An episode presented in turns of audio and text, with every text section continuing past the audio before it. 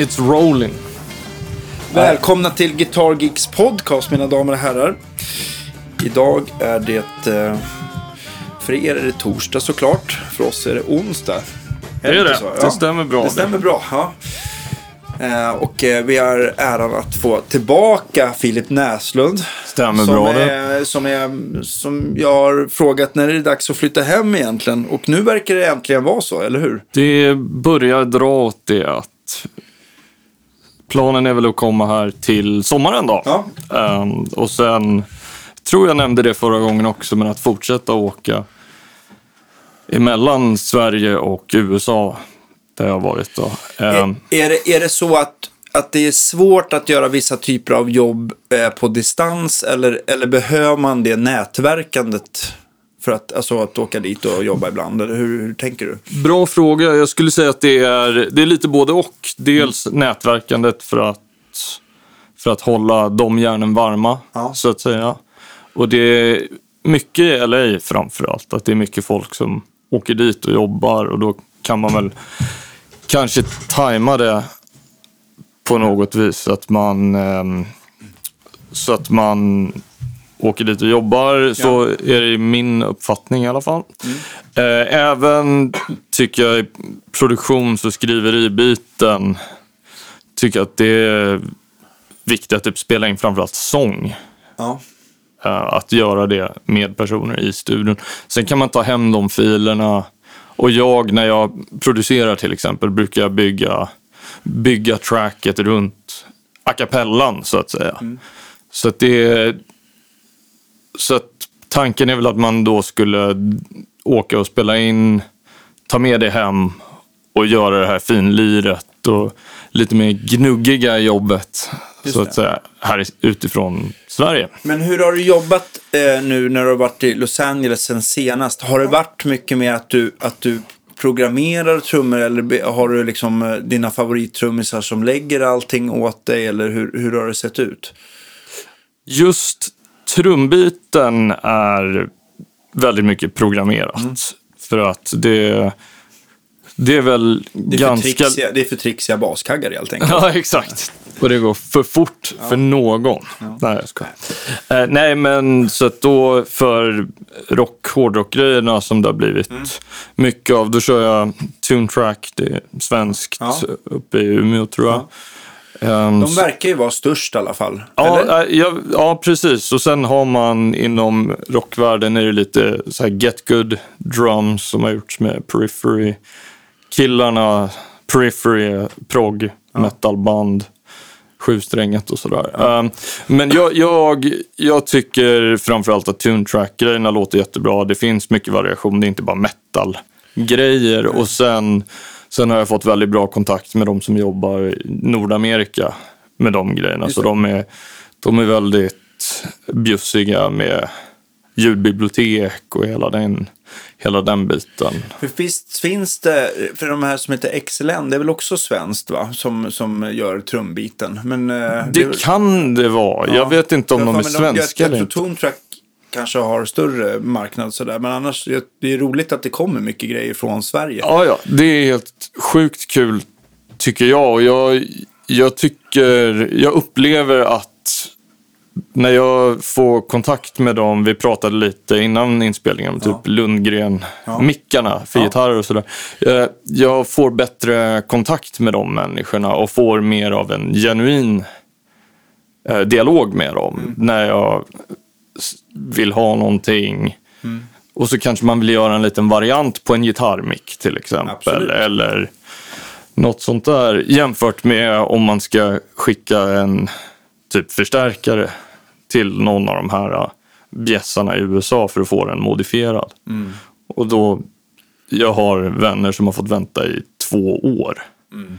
Men Jag tror, jag tror att också att det är, så, det, det är så otroligt många fler gitarrister som vill ha moddat. Så att de blir, ja, det blir, eh, ja, det blir som det blir kan jag tänka mig. Ja och nej, det, lite av det har också att göra med hur högt man står sig i Ja, hierarkin jo. också. Så att det är, ja, nej men så att jag, jag tycker verkligen det är kul att Ja, det är väl en annan sak om James Hetfield knackar på dörren. Kan jag Ja, tänka mig. exakt, Ja, exakt. Men det, två år kan vara lite lång tid att vänta på en ja, men verkligen. stärkare. Kan jag tycka. Den Men- som väntar på något gott väntar alltid för länge. Var det inte så det hette? Eh, Exakt. Men på tal om det, jag, sen vi såg sist har jag ju varit och hälsat på Tommy Folkesson. Oh, Jönköping. Yes. Hur var Och det då? Jätteroligt, Ja. lärorikt och bara sjukt roligt. Var det någon så här, för att jag antar att eh, ni lyssnade på lite, lite så här bolla lite hur en gitarr ska låta genom en förstärkare. Precis, precis. Eh, Vi hade... Ja, förlåt. Nej, men, men jag tänkte på, var det någon, för han gör ju massa olika modifieringar och det är liksom inte, det är inte, vad jag förstår det som så är det inte bara det här soundet är det jag tycker är bra, det är det du ska ha och jag, jag kompromissar ingenting. Utan han är väl ändå lite så här att han formar sig lite efter önskemål, vad jag förstår det som. Absolut, och till en början så eh, skedde ju våran dialog över mail. Där vi gick över lite och kunde skicka lite ljudexempel, lite klipp på vad jag hade gjort. Och sen, sen pandemin började körde jag mycket videoklipp på Instagram också. Så att han kunde höra hur jag låter. Ja. Framför allt. Ehm, och det var väl utifrån, det var väl det vi utgick ifrån så att säga. Och sen, eh, sen bollade vi lite fram och tillbaka vad jag skulle köra och då blev det en sån här 1987X, 50 wattaren där. Ja. Och så blev det Eternal Classic Mark 7 Just modden vi körde. Jag vet inte, jag har ju någon sån här Eternal eh, mod på den här. Det här är också en Folkesson, en JCM 900 som jag har till försäljning här nu. eh, Men jag vet inte vilken Eternal-variant det här är. Okej, det är en väldigt otrolig mod i alla fall. Den är... Ja, den, låter, alltså, den, på, den låter inte alls som, som när man pluggar i en Nej. vanlig eh, dual reverb som det här är. Då. Så att, eh, ja. Den, den kanske inte är kvar när avsnittet släpps. de de hur? är Ja, så ja, jäkla det- bra. Ja, alltså. så kom inte och prova den. Nej, jag bara. Men de är, den, den är, den är, ehm, de är ju gry- grymma. Och Jag tycker Folkesson-soundet, om man ska beskriva det, bara, bara det som sticker ut, det är att det är så här, det är liksom ganska så här färdigt och välpaketerat sound. Så här. Det är liksom, man, jag antar att det blir väldigt lite frisering i efterhand. Det låter rätt klart. Verkligen. Liksom. Men även väldigt formbart sound också. Jo, kontrollerna funkar som Ex- de ska. Ja, Exakt. Och då, det här var väl en fyra kanaler serie då. Så det är clean, crunch, crude, crude och så lead typ. lead. Och så har jag den här pull for metal. Pull for No metal. det är stenhårt. Och metal ska vi prata mer om också. Ja, för det är skoj. Men eh, ja, så den, jag tog med mig en Strata, Ja. en Les Paul och det här sjusträngade V från Gibson. Som jag, Mm, just det. det. är gitarrer som vi pratade om i det Ja. förra avsnittet. Ja, precis, precis, ja. Ehm, Som jag alla har kvar. Och slängde in dem i bilen och åkte ner till Jönköping. Ja. Och så testade jag att mecka igenom alla fyra kanaler på tre gurer. Så att säga. Och ville bara kolla mest att jag var nöjd. Och jag, jag hade inga invändningar med någonting och var supernöjd. Och sen bara några dagar senare hade jag en produktionsresa när jag skulle åka till USA och till Texas det. Mm. och spela in mycket metalgurer. Och där finns det väldigt mycket fina förstärkare. Det finns Bogner Uberschall, det finns en Bogner Helios Eclipse heter den. Mm. finns en SLO 100 från Soldano. Mm. Eh, en Friedman BE50 Deluxe. Mm. En Mesa Boogie. Rectifier kanske? Nej, det var en, det är en uh, Petrucci, den här Ja, men JP2C. typ en Mark 5. För, ut, ja, det är en som Mark 2 Jaha, okej. tekniskt sett. Som de har gjort en signaturmodell till John Petrucci. Just det, men den har väl typ... Men jag har för mig att den hade typ så här tre kanaler ändå, eller? Nej, det har den kanske inte. Två och en halv skulle Okej, jag ja, då är det inte ja, samma som jag tänkte. För Mark 5 har väl tre och den är väldigt mycket switchar och sådär. Ja, men det har den här också. Det är Ja, jättemycket okej. switchar. Ja. Så att det, ehm, men då ställde vi den här Folkesson Ja. mot alla de här. Och, med, med lite kritiska öron. Ja, Eh, precis, och AB. Mot de här äh, väldigt fina... Stärkarna. Ja, och det... Nej, det var... Fick du åka hem med, svansen mellan benen? Nej, eller inte. inte- Nej, jag skojar bara. Nej, nej. Och det, jag pratar med många svenska gitarrkompisar i USA Ja. som säger att hade Tommy Folkesson varit jänkare hade ju han Ja. varit på nivå med Dave Friedman och vad heter han? Reinhold Bogner heter han va? Mm. Och alla de här som Mike Soldan och alla legendariska byggare. Just det. Så att säga. Så att det är jäkligt, jäkligt coolt att man kan få så bra produkter här på hemmaplan. Verkligen. Alltså jag, tycker, jag tycker både... Eh, det finns ju flera som gör väldigt bra produkter. Jag, klart att jag plussar för John för att han sitter här. Men, men eh, jag tänker på Lundgren som du nämnde. Eller Björn, eh, eh, Björn Juhl och, och, och folk. Alltså det är många som är, gör otroligt bra grejer. Men jag tror att det för mycket grejer är... Alltså jänkare har jag... Får jag en känsla av att de, de har ju så himla mycket innanför innanför eh, tullarna tänkte jag säga. Så Ja. att det, liksom, det, finns ingen, det, det finns så mycket redan så varför titta över till Europa när jag tror att de blir lite så här skeptiska till import överhuvudtaget. Ja, ja, verkligen, verkligen. För det, det är väl samma tankesätt varför många inte ens reser utanför USA eller har ett amerikanskt pass. Det är för att allting finns i USA Ja. och sen är det ett stort land och det finns... Man kan skapa sig en marknad typ i... Ja, de har ju nästan blivit uppfostrade så i skolan att det är liksom, vi läser om USA, USA USA och sen så kanske vi nämner Europa och övriga Precis. världen lite så. Där Precis. borta. Ja. Ja, nej men det, det är som du säger, Johan Lundgren och hans mickar, det vill jag också verkligen plussa för. För han har också varit jätte...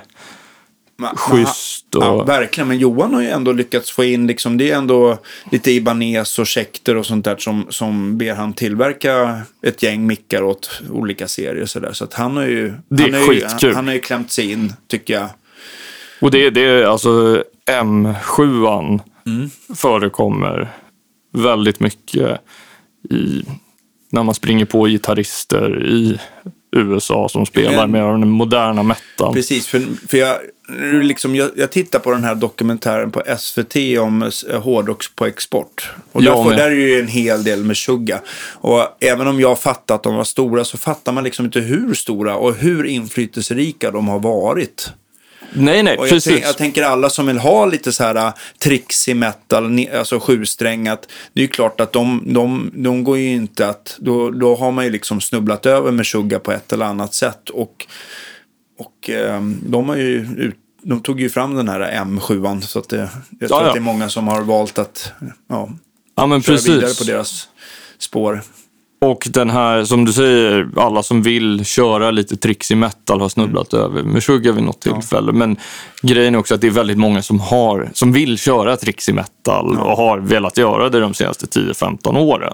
Så att det, de har ju varit så himla banbrytande på det sättet. Och det var ganska intressant. Jag var, jag var tillbaka en sväng här i höstas i Dallas. Och då, och då spelade In Flames och Meshuggah i Dallas när jag var där. Jaha, okej. Ja, alltså, det- vad, vad hade de, är det, bara- körde de på samma ställe samma kväll? Ja, eller? precis. De spelade ihop. De gjorde en...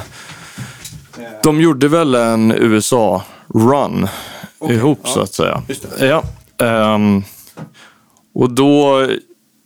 Jag är ju van att i Europa skulle jag säga att In Flames ligger snäppet över Meshuggah, i alla fall sist jag kollade. Men det, Ja, men det tror jag. Alltså, Eh. jag, tror att med, In Flames har väl, jag tror att det är ju ändå lite mera, alltså det är ju hårt också, men med Melodierna Suga finns ja, där, precis, men med Suga blir ju, jag tror att det blir liksom för svårt att ta in för folk. Det är liksom, det blir liksom, som jag tror att man, folk kan uppleva när man lyssnar på jazz, att man liksom man hänger inte med, liksom, så att man, ja, absolut. det är inte lika lätt att absorbera på något sätt. Precis, men eh, när jag gick på det här då, då tänkte jag att det var någon så här co-headline-grej kanske eller något sånt där. Men det är Meshuggah som headlinar i USA.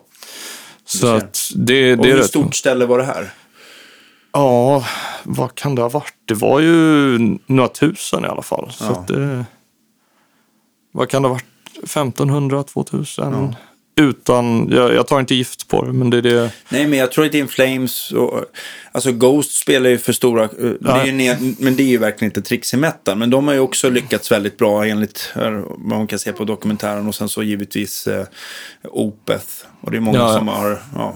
Ja, verkligen. Så det, det, Opeth är ju mera så här, jag tycker ju att Meshuggah för min del, det blir ju liksom för hårt för länge. Det blir för, jag, jag är väldigt sugen, jag funderar på, vi kanske ska gå och kolla på dem nu när de spelar i Stockholm. ja, Bara för att eh, det kan vara kul att ha upplevt ja. denna, denna show. Men, eh, men det, blir ju som en, det blir ju som en köttkvarn för mig. Liksom. Det, blir, Nej, det är som att bli överkörd av ett tåg. Ja. Medan Opeth, när man har sett dem, då är det ju liksom, det är så himla varierat så man hinner liksom hämta andan lite grann. Det är mer av en föreställning. Ja, precis, ja. Och ehm, jag, eh, jag älskar ju alltså de banden. Du nämner Meshuggah, In Flames, Opeth, Ghost. Jag lägger ju ingen personlig värdering. Så jag tycker de är det är- grymma. Det är inte bättre Nej, eller sämre. Det är Nej, mer men det, är, annorlunda. men det är en helt annan stil och man får ju, det är ett vinnande koncept och bra låtar tycker jag. Ja, verkligen. Så, men det är ju klart, det är ju en, det är ganska poppig hårdrock. Kan Ja. man, om man nu ska. Ja, absolut, absolut. Och sen, och sen även ehm, nu när Meshuggah spelar i Stockholm, då har du ju Halo Effect som har kommit Mm. väldigt starkt. Det är ju gamla In Flames-medlemmar, alltså före detta medlemmar. Okej, mm. Och sen är det Mikael Stanne som sjunger. Han var, han var med på tidigt In Flames, men är mer känd från Dark Tranquility.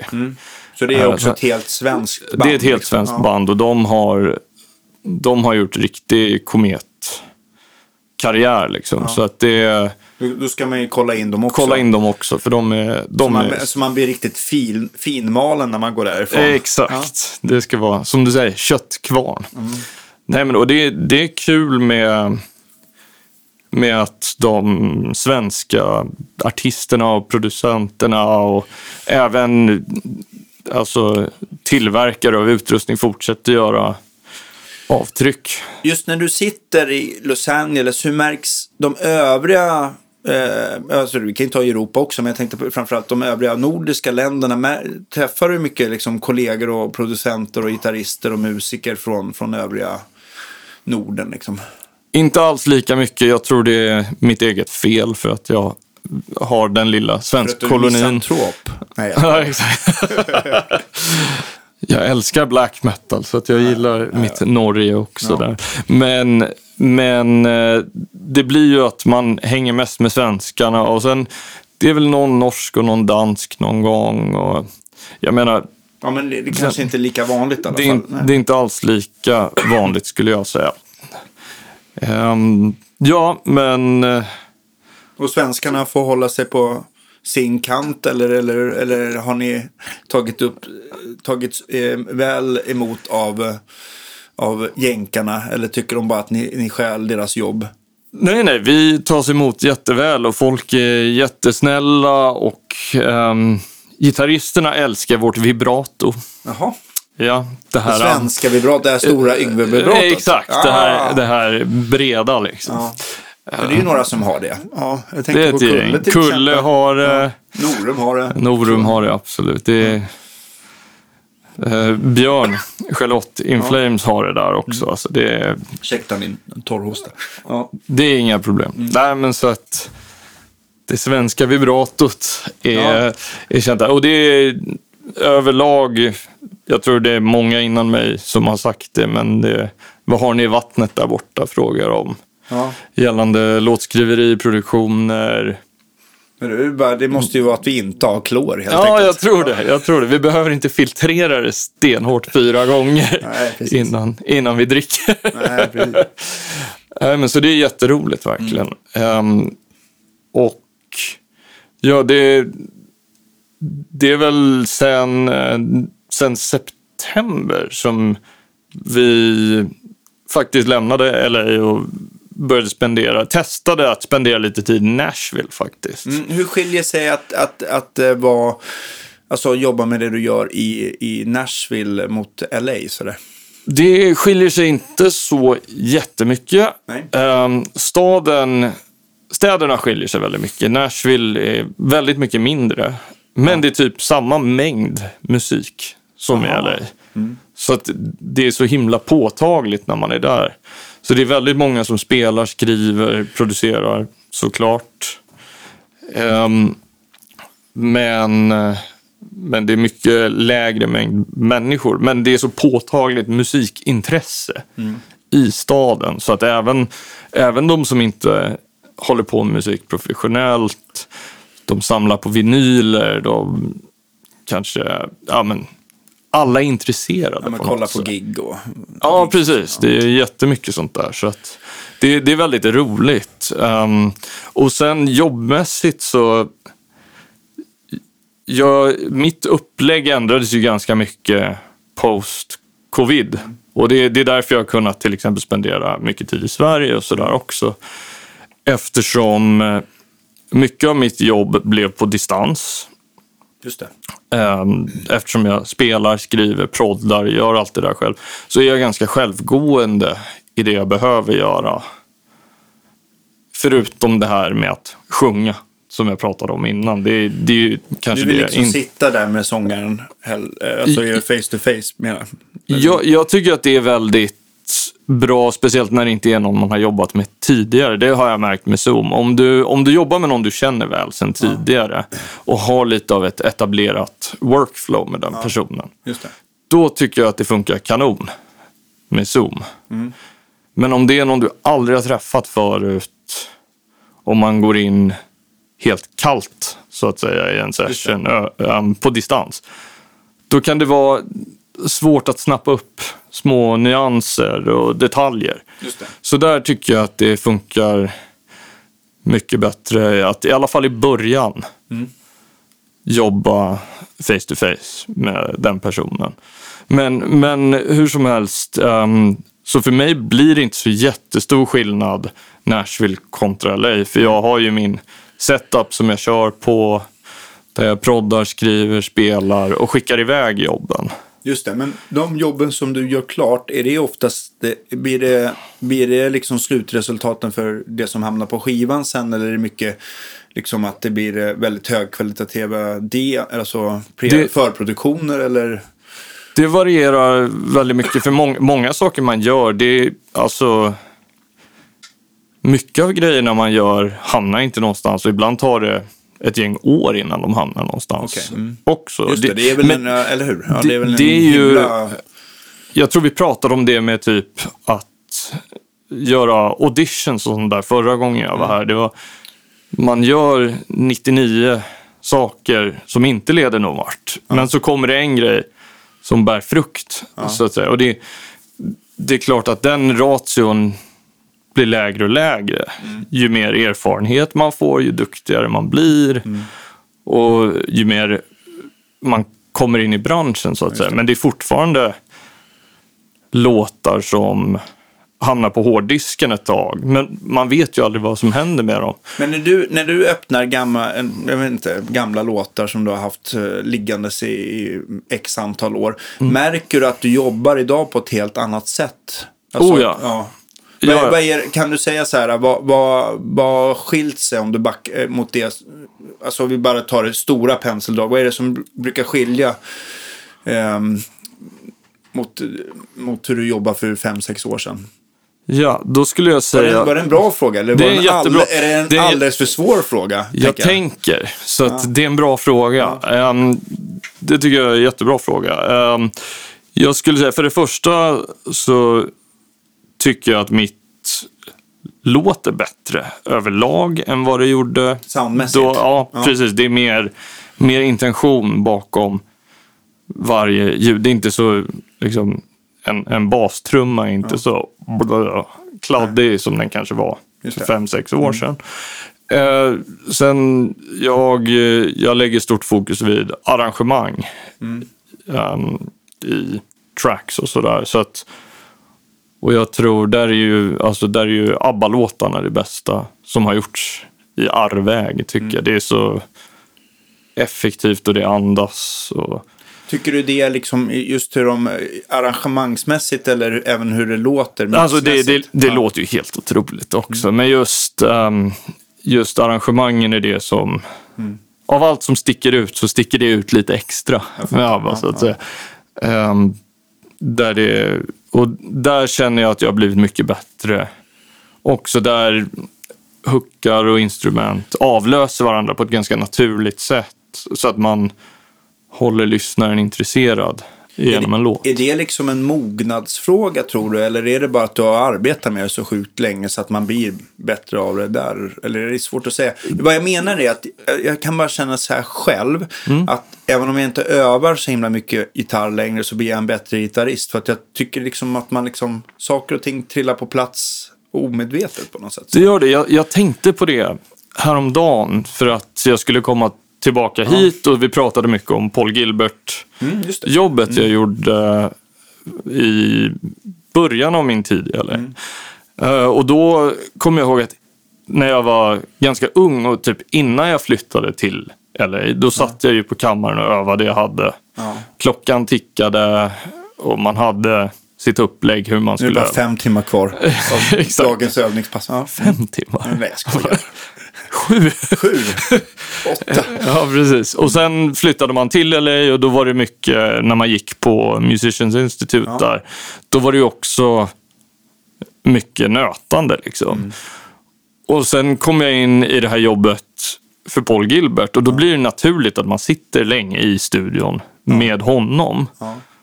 Och jag kan inte plocka upp och öva i sju timmar i hans studio Nej, när han betalar mig för att jobba för honom. Nej. Men jag sitter och lyssnar på honom spela och prata om gitarren. Alltså det är ju som att sitta på en Paul Gilbert-klinik i tre, fyra år eller hur länge vi nu jobbade ihop. Och efter det så fick, sen flyttade ju han upp till Portland och så jobbade inte vi längre ihop. Men, och så gick det liksom några månader.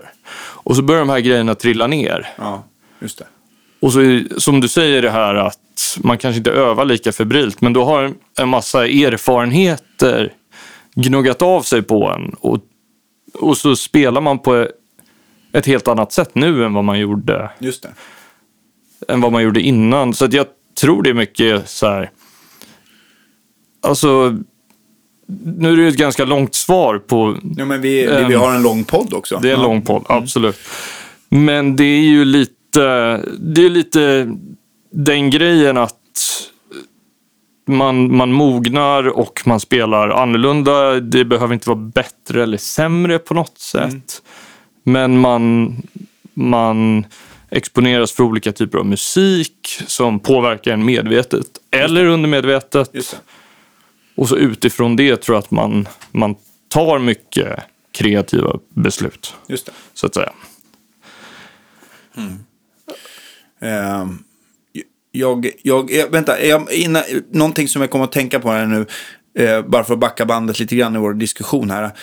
Är eh, den här studion med Folkesson-toppen, köpte de in några Folkesson-toppar efter det eller, eller, det, eller kör de vidare på sitt? Nej, de kör vidare på sitt, men eh, han, eh, han som har alla de grejerna är väldigt sugen på en Folkesson och en Hermansson faktiskt. Känner du till Henrik Nej, jag, Hermansson? jag, det är faktiskt har jag inte haft möjlighet att och, ehm, ehm, prova hans han, han har ju byggt åt Tordendal, Ja.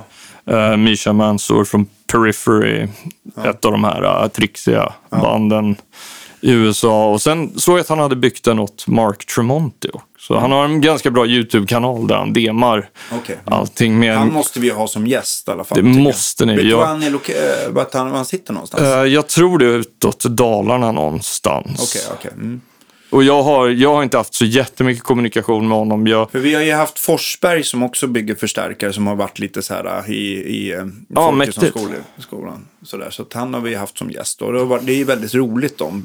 Det blir liksom lite annorlunda avsnitt såklart. Så där man pratar sound. ja, för Hermansson kom ju upp under Folkesson och jag tror han har spelat lite i Folkessons videos och sådär. Okej, okej. Mm. När han var mycket yngre. Men han tog lite det som plantskola och sen verkar han ha gått mer metal med sitt sound så att säga. Ja, det det, låter ju som man har tilltalat dem. ja, nej, men det är helt sjuka. För jag alltså. tycker ju så här, alltså Folkesson för mig, det är ju inte just så här att det är det här äh, modernaste, senaste eh, metal, alltså den Nej, typen av nej. sound, utan det har ju varit mer så här classic rock. Eh, allting, jag tänker så här Yngström, eh, Electric Boys och Mm. tidiga Kulle spelade ju på Folkesson och, och ja, men han, de har ju haft, han har ju, ha- har ju sin klick, men det, det känns mer så här classic rock, hårdrock. Och sen kan man Soundet. faktiskt pull for metal Paul Formetta kan man nu. på ja. Mark 7. Ja. Mm. Men, eh, men absolut, Hermansson är mer tjong, alltså den chuggen. Och ehm, Så jag, jag måste lägga vantarna på en sån starkare, vad det lyder själv. man har inte, man har inte, vad heter det, möjlighet att få exakt allt ur en starkare, utan man får väl ha några stycken som, som Precis. Mm. Precis. Men det är, jag tycker mellan Folkesson-toppen, sen kör jag på fortsatt med de här Synergy-modulerna. Just det. Där jag har en, en Friedman, en Soldano, en Bogner Uberschall-modul. Sk- Alltså, handen på hjärtat, skiljer modulerna så mycket som man vill åt? Eller är det så där att de ändå att det går att ratta in någorlunda samma sound på dem i alla fall? Jag skulle inte säga samma sound. Det är det här äh, liksom, runda, feta som man får från topparna. Ja. Får man inte till på modulerna. Men det är som att jämföra äpplen och päron. Det är olika saker. Och som ett verktyg i studion när man vill byta ut de här små kassetterna. Ja, nu vill jag gå från ett Soldano-sound till ett Uberschall-sound. Det. Eller den här Overdrive Special Tribute-soundet som är kanon clean-ljud till exempel. För mig är det helt perfekt att kunna hoppa emellan så. Jag tror, jag tror Opeth-killarna kanske använder absolut, Synergy ja. när Ja. de är ute och åker. både ute och åker, men de vill ju ha, alltså där blir det ju också när man, när man är ett turnerande band så blir det liksom, då blir det an, x antal kollin som man ska släpa på Ja, ja. och allting spelar så himla stor roll. Liksom. Ja. Man- Alltså för, att, för att frakta saker kostar pengar och Oh, även om det kanske rör sig om att man har sparat in en 500 här eller där på, jag vet, vet inte, så, så blir det ju jäkligt mycket på ett år. Va? Det bygger ju upp. Ja. Precis. Och i mitt fall är det mer att det ska gå fort att ratta in ett ljud Ja. snabbt. Och därför... Och jag kan inte ha en Soldano-topp, en Friedman-topp, en Uberschall-topp. Det, det är mycket förstärkare och mycket pengar. Ja, jag förstår. Så att därför bara av, av för smidighetens skull. Och sen, alltså de här grejerna är ju som ett instrument som man lär sig använda som vilket annat som helst för att få det att låta bra. Ja. Men jag tycker, att, jag tycker att det är väldigt bra. Jag har ju suttit hemma hos Kulle och han har demat det där. Ja, vad tycker du själv då? Alltså, Alltså jag tyckte nog att, jag tycker nog att, eh, vad jag för, ställde den här frågan, det var väl att jag inte tyckte att modulerna är lika så. Alltså de, inte, de, de, de är närmare varandra i sound än vad de verkliga topparna är. Det, väl, det var Ah, okej. det. det Ja. tycker jag. De, de skiljer mer åt i verkligheten. Av det Ja. jag provade. absolut. Och det, Men däremot så, det, det, men, eh, men som sagt, det, det är en annan sak när man sitter i en hemstudio och kanske lyssnar genom en annan högtalare, genom ett annat slutsteg och så vidare. Så att jag tror att allting påverkar. Det är möjligt att den lyssningen eller det det gick igenom, eh, ska jag säga, att det att det liksom tryckte ihop det så att skillnaden blev mindre också. Så Ja. jag vill liksom hålla det, jag tycker inte man ska, ja, Alltså det är ju svårt. Det är ju ungefär som att titta på eh, Nu säger jag inte att det är så, men, men du vet så här, folk eh, gör bedömningar om hur mickar och förstärkare låter genom att lyssna genom mobiltelefonen. Ja, ja, så det ja. blir lite så här att man, man, måste ge, man måste ge klippen rätt förutsättningar att, att eh, lyssna på dem. Så ja, man- och sen även när det läggs upp på YouTube så gör ju de sin komprimering och sådär Ja. Ja, det- Så att jag tror, jag tror det handlar om att man ska att man måste, inte måste, men ska hitta och identifiera sin personliga smak och vad man själv är ute efter och varför man är ute efter det och vad funkar för dig. Och, Eh, nej men nej, absolut, absolut. Men jag tänkte sen så här med Synergy-grejerna, de kopplar du in i vad då? Det, jag kör samma som när jag var här senast och då är det att jag drar in dem i mitt Universal Audio ljudkort Ja. och sen, sen simulerar jag högtalaren digitalt i det här Two Notes Wall of Sound-pluggen. Okej, ja. Där, och det är väl den gemensamma nämnaren med alla ljud jag rattar in oavsett om jag använder en plugin, Synergy-grejerna, eller om jag stöter på en Kemper som jag ska använda, eller en rörtopp, Ja. så simulerar jag alltid lådan i datorn av, Den av själv- pluggen. Ja, precis. Och du har, inte, har du jämfört den pluggen med till, exempel de här som, som är standalone-enheterna som OX och ja, det finns väl massa saker där ute. Ja, inte, inte så mycket eftersom jag inte haft behovet av det. Nej. För att jag vill få in det i datorn och kunna kontrollera ljudet. Ja. Så mycket som möjligt där. Och det är ju samma sak när jag kör Synergy-grejerna. Då tar man alltid en DI-signal om det skulle vara något senare. Så man kan ratta om ljudet. Just det, så att du får, du får en själva, bara Ja, rena gitarren. det-. Rena line-signalen så att säga. Så att det är väl det är väl den den processen jag kör ljudmässigt fortfarande. Det är bara att det har kommit in en Folkesson-topp sen sist också som jag är supernöjd med. Eh, och sen när jag reser blir det mer resriggen där jag kör uh, plug-in för gitarrstärkarljudet också. Och där även i pluggen så stänger jag av högtalaren i pluggen. Just det. Vilket man kan göra i de här Neural DSP. De har ju mycket. Och sen eh, Universal Audio har en Friedman plugin. Ja. Där kan man också stänga av stänga av eh, lådan så att säga. Och så kör man Two Notes efter det så att säga. Är, är det någonting som, när du liksom, ehm, vi säger att du, vänta jag kan också fråga, Folkesson, hur har du liksom lagt in, fått in den på ljudkortet? Har du gått via någon låda eller, eller hur, eh, den får Ja. du nästan micka upp tänker jag. Nej, det, med Folkesson så då har jag använt det även från, från Two Notes. De har en grej som heter Torpedo Reload. Som är jättebra. Och den, det- den sätter du i högtalarutgången då, eller? Ja, man kopplar in, man kopplar in eh, Folkesson-toppen eller vilken topp som helst för den delen in i reload. Ja. Och sen har den en utgång som du kan koppla in i ljudkortet. Okej. Och då kommer, då får du så att säga toppljudet utan låda. Ja, just det. Och då kan du sätta en låda på det ljudet det. digitalt. Mm. Och så kan man ratta mickplacering och vilken högtalartyp du vill använda. Just det, men det, från, hela- alltså du får line-signalen från den här torpedon istället. så Ja, Mm. precis. Så att det, det funkar jättebra för mig. Och den behöver i sin tur inte bara gå vidare till en låda utan det räcker, den, last, den, den blir själva Ja, högtalarlasten. det är en loadbox. Ja, ja. Så att det, det blir väl, jag tror man kallar det för en dummy load. Ja, ja, ja, men absolut. Ja.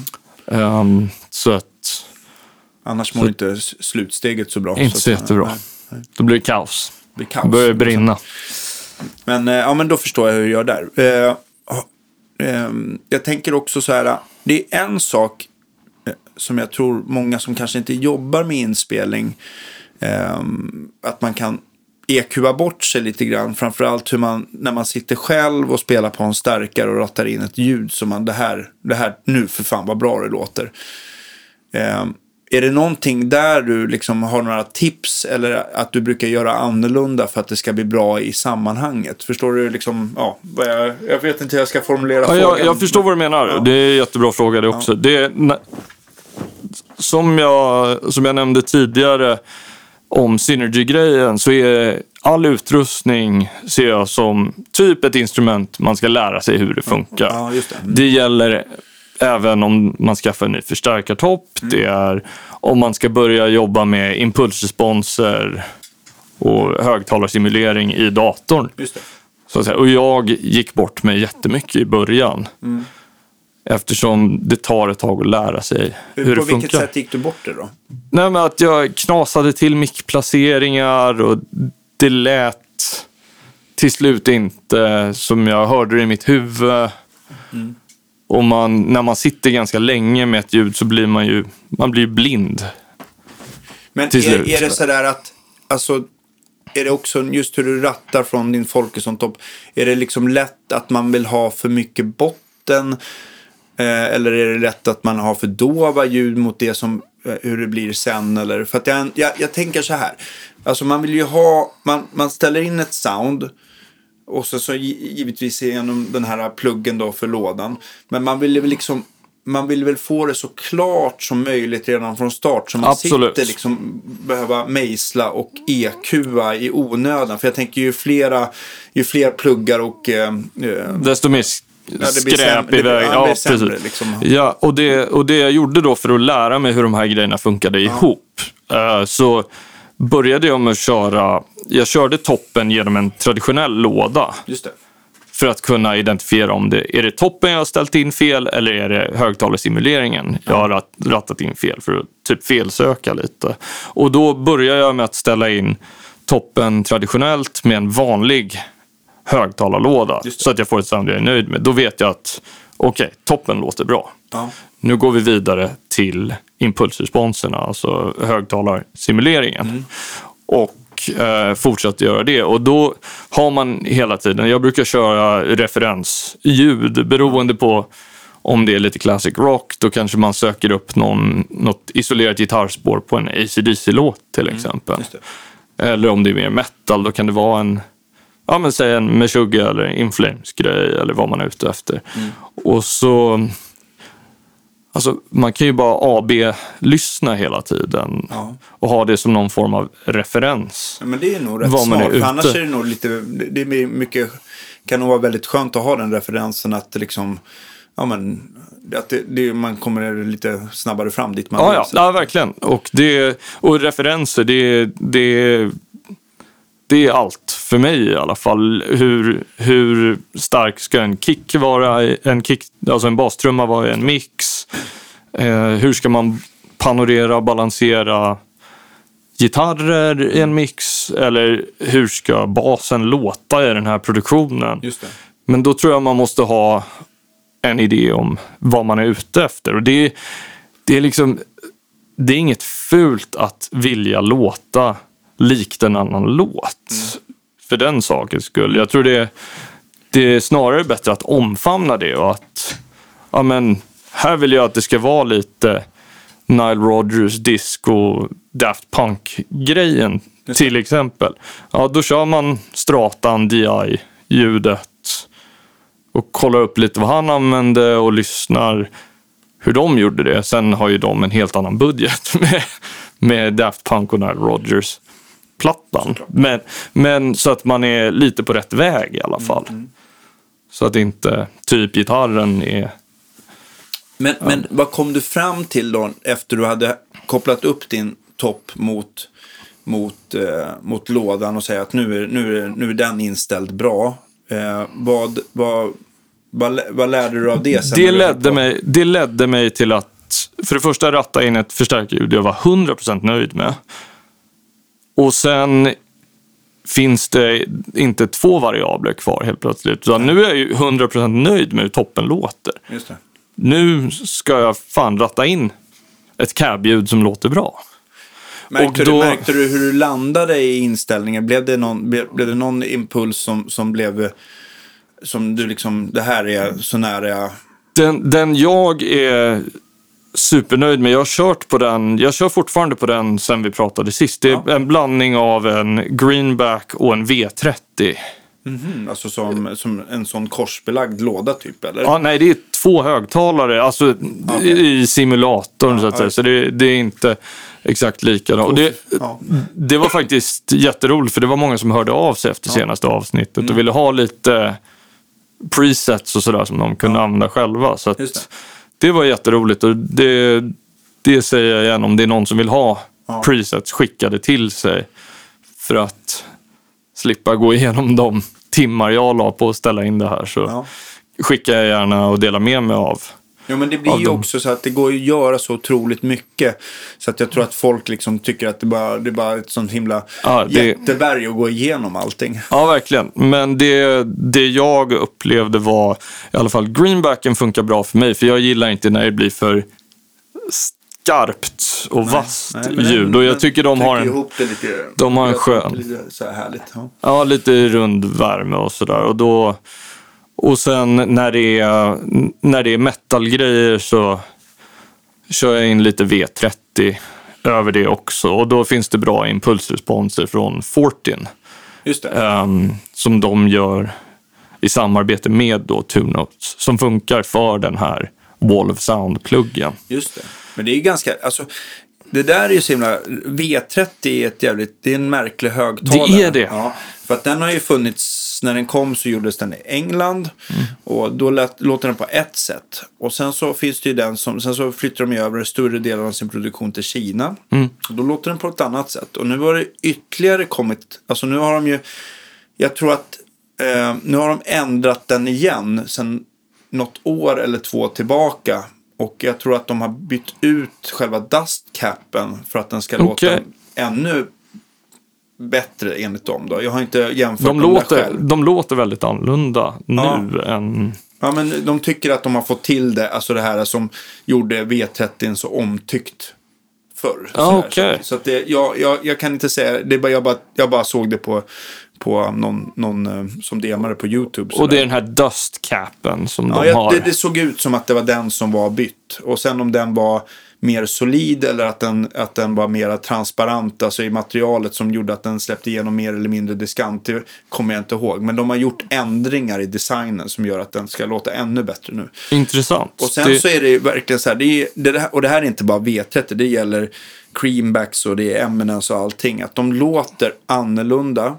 Eh, om du kör, om vi bara har en högtalare i en 112, Mm. om du bara byter Vintage 30 8 ohm mot en 16 ohmare så, så, så undrar man så här, men det här är inte samma högtalare. nej, nej. Så, och det, det är möjligt att det, på grund av att lasten blir annorlunda, att de, att de eh, eh, påverkar att stärkan blir känslig. Vissa stärkare kanske blir mindre skillnad och vissa stärkare kanske blir större skillnad. Men, man, men de låter inte speciellt lika, så det ska man också ha i, i åtanke. Men det är jätteintressant just med högtalare för att jag, jag tycker... Jag, jag upplever att det pratas inte lika mycket om högtalare och deras påverkan av ljudet. Alltså, om man jämför med typ gitarrmickar till exempel. Där finns det ju en mer utbredd diskussion på något sätt. Men högtalaren påverkar så sjukt mycket. Alltså, eh, eh, eh, det tycker jag också. Jag skulle säga att den nästan påverkar ännu mer ibland. Ja, ja. Framförallt på ett high gain sound. Ja. då påverkar ju högtalaren mycket mer än om du kör in en, en vintage humbucker eller en M6. Alltså Mm. till slut så blir det så mycket kompression och dist. Och självklart det blir skillnad mellan gitarrerna. Men, och, där, men- och men- tvärtom, att klina ljud hör man tydligare Ja, på mickarna. Ja, liksom. verkligen. Ja. Där kommer ju mindre, det blir mindre, alltså mer dist ju mer kompression. Ja. Och ju mindre kompression desto blir nyansskillnader blir det från gitarrer och sånt där. Eh, men jag ska inte säga att det liksom är försumbart. Alltså, det känns ju annorlunda på att spela på, inte vet jag, EMG 81 eller en M6 eller en, en eh, ja, HM57 eller en throwback eller någonting sådär. Så det gör ju skillnad även på high gain ljud. Men, men verkligen så, så, så tycker jag på de sounden så gör ju högtalaren ännu större skillnad ja, verkligen. Och jag tycker att det är en annan lustig grej när det gäller högtalare. För just på rena sound, när det inte är så mycket övertoner som läggs till av disten. Ja. Då tycker man att, då, då är det många som kan finna sig mycket mer i olika, alltså att man tycker så här, "Ja, men jag ändrar dekun här så blir det bra.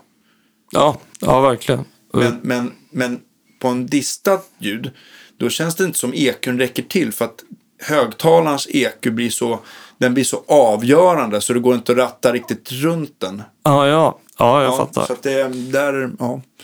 Ja, men det, ja, jag håller med om det. Det är någonting med just Nej, jag, tycker, jag tycker verkligen inte, och jag ska inte säga att jag har hittat svaret för att jag, ju mer man vet om högtalare och ju mer man provar, desto mer vilsen blir man. Så att, ge Det- er inte in där gott folk, utan är ni nöjda så, så fortsätt på ert spår. Det är, Jag tror helt ärligt, det är därför jag kör samma preset med den här Greenback V30-grejen och har Don't gjort det. go there, säger jag bara. Det kan bli, det kan bli en dyr... En dyr historia. Ehm, nej, men jag tror det är därför jag har hållit mig till min Greenback V30 Ja. blend på de här impulsresponserna. För det är, det är också samma där. Så fort man byter ut en digital representation av Ja. en högtalare så blir det helt annorlunda. Men blir det inte också så här äh, mot, jag tänker på de här impulsresponserna, att du, du kan ju också välja vilken mick du ska sätta framför och vart Och du ska hur sätta långt den. och vinklingen och Ja, ja. allting. Så det, och man kan till och med vända hö, högtalaren och mickaren bakifrån. Ja, och all, allt möjligt. Och vilket typ av rum man vill ha det i. Det är en väldigt bra och ehm, varierad plugg det här. Precis, men den, den gör ju också enorm skillnad vad du använder för mick. För det blir väl på ett annat sätt om du använder bandmick Royer typ. Eller om Ja. du använder 57, SF57, ja. Eller om du använder någon kondensator med, Oh ja. av något slag. Så vad har du fastnat för där? Där har jag fastnat för, för Royer och 57 blandning. Ja, för det...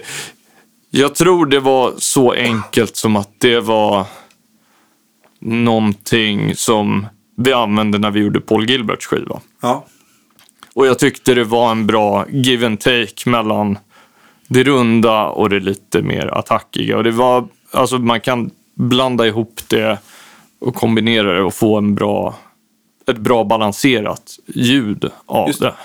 Eh, Så där har jag fastnat för det. Och sen även den här, vad heter den då? Den här 421 kan, jag är så jäkla eh, dålig. Sennheiser va? Ja, precis. Ja, jag tror som en rakapparat. Ja, typ, precis. Ja. Exakt. Mm. Ja. Den, den kan man smyga in ibland också. Eh, Eh, så det, Om du bara får, om vi säger så här, jag fattar ju, jag har ju hört själv, alltså det, det, första gången jag var, när Max Martin byggde upp sin studio här på Norrmalm så satt eh, Ilbert en väldigt bra. En, är det ja, Ja, ljudisoleringskillen? men han är ju su- han är super, han hjälpte i alla fall eh, Max Martin med att sätta ihop studion. Och det var det faktiskt första gången, för då hade han ju en helt rum där han skulle ha en amp switcher och han skulle, allt skulle vara uppmickat och klart. Men det var bara så här gamla Ja, jag, var inne, jag var inne där och kollade. Ja, du så- du vet ja, ja, absolut. Ja, det, Och då höll han på att mecka upp allting. Och då, det var då första gången jag fick höra det där. För att jag hade inte varit i den miljön. Att, men då visade han bara, ja men så här låter det liksom. Om du spelar eh, så man bara 57an och bara eh, Roger 121 kanske det var. Mm. Ja. Och sen så liksom, fast jag tror inte att det var just, jag tror att han körde inte 57an utan det var någon stormembranskonding som jag inte kommer ihåg vad den heter. Men alltså att, man, att han blandade just en mick som var ganska öppen och en mick som var ganska tjock. Mm. Och då kan man verkligen så här balansera med regeln. Eh, alltså det blev så sjukt bra tyckte jag. ja, ja. Nej, absolut. Och det, det är coolt när man får vara med om de där grejerna också för Men det var första ju gången. verkligen en ö- ögonbrynshöjare, kan man säga så? Ja, det kan man göra. Och det, det var samma sak när jag, när jag gjorde Paul Gilbert-skivan. Ja. Och så, då hade jag ju suttit och stångat skallen mot väggen Mm. över hur en jäkla kompressor funkar. För då var jag fortfarande ganska ny i hela produktionsgrejen och jag hade bara kört kompressor-plugins. Och jag, jag kunde inte, det hade inte klickat i huvudet för mig riktigt hur man använder den i i ett produktionssammanhang riktigt. För det är ju ganska, alltså om man inte, om det inte har klickat så tycker jag att just kompression är en sån där lite halvluddig grej i början. Om man inte fattar. Och då, och då hade vi en dag när vi skulle lägga ackigurer. Och då, jag kommer inte ihåg vad vi använde för mickar, men vi körde hans To Be With You och Acke, alltså från den låten. Och så hade vi och så hade vi en sån här TubeTech hårdvarukompressor, alltså det. Ja. rack-grejen. Och du vet, då körde jag på lurarna. Jag var ganska nervös för jag, han ville att jag skulle ratta kompressorn och jag hade fram till den dagen inte fattat hur, Var börjar det någonstans? ja, var börjar och var slutar det här. Ja. Men att få just ratta på mickarna och testa mig fram, fram och tillbaka och bara lyssna. Det, det gjorde att allting bara klickade. Ja. Och det kanske är lite liknande det du fick uppleva med ja, men verkligen. mickarna verkligen. där. Ja, precis. Ehm, och Det jag, blir verkligen aha-upplevelse. verkligen, verkligen. Och jag tror att hittar man, får man uppleva sådana saker och är nyfiken Mm. på det, så tror jag att man någonstans hittar, alltså man snubblar över de här grejerna som ger en ja, men ljudideal, hur man själv tycker att någonting ska låta. Och så om vi ska cirkulera tillbaka och stänga den påsen på något sätt Ja.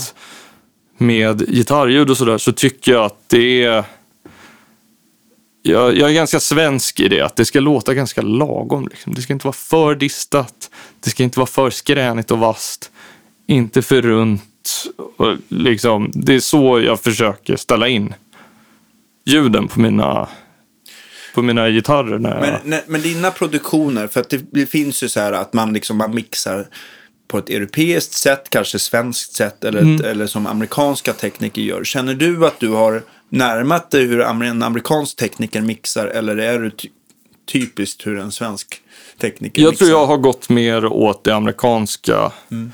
hållet i mina produktioner. Jag, jag är ju ingen teknisk mixare eller mastrare på det Nej, sättet. Där men kan, kan du säga Men- någonting så här, vad, vad, alltså i stora drag vad som skiljer sig? Ja, det är... Jag tycker att svenska produktioner Mm. är, de låter väldigt bra. Ibland tycker jag att de kan låta lite för snälla, lite för kliniska. Är det för uppstädat menar du? Ja, Eller? Mm. det tycker jag. Och jag...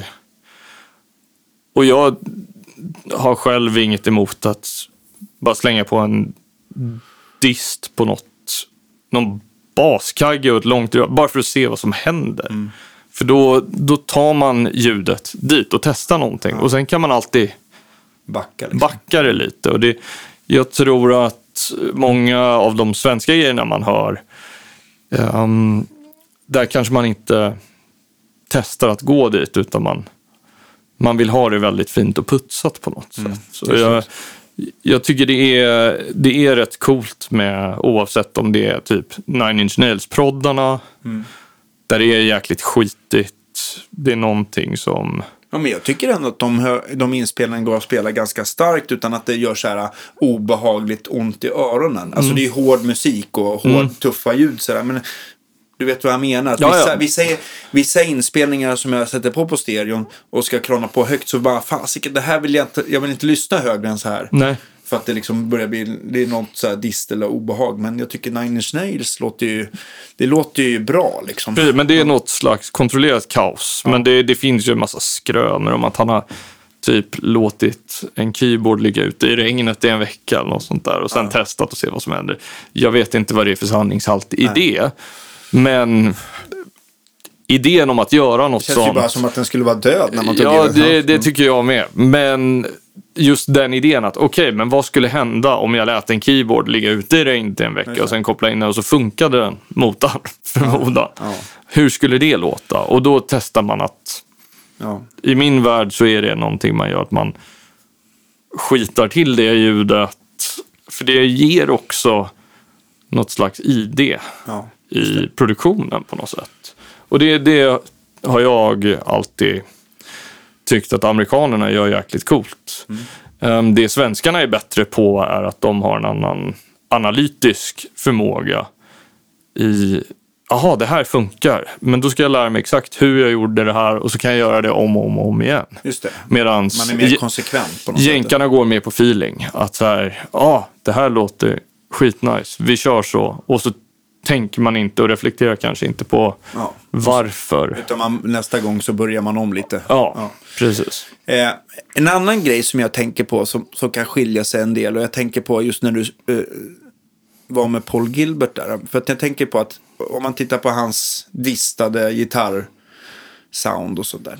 Och nu pratar jag kanske inte exakt det som hamnar på tape men, men han, i min värld så han kör ju sin sin Ibanez signaturmodell Ja. Mm. av något slag med Dimarsu-mickar in i någon förstärkare och rattare på ett speciellt sätt. Jag vet inte vilken stärkare han använder oftast, men Jag tror, jag vill säga att det är någon Superlead Marshall av något slag. Det, alltså en sån, en sån, eh, som du, en sån 1987 fast det är 100 watt. eller? ja, precis. Vad de, vad de nu...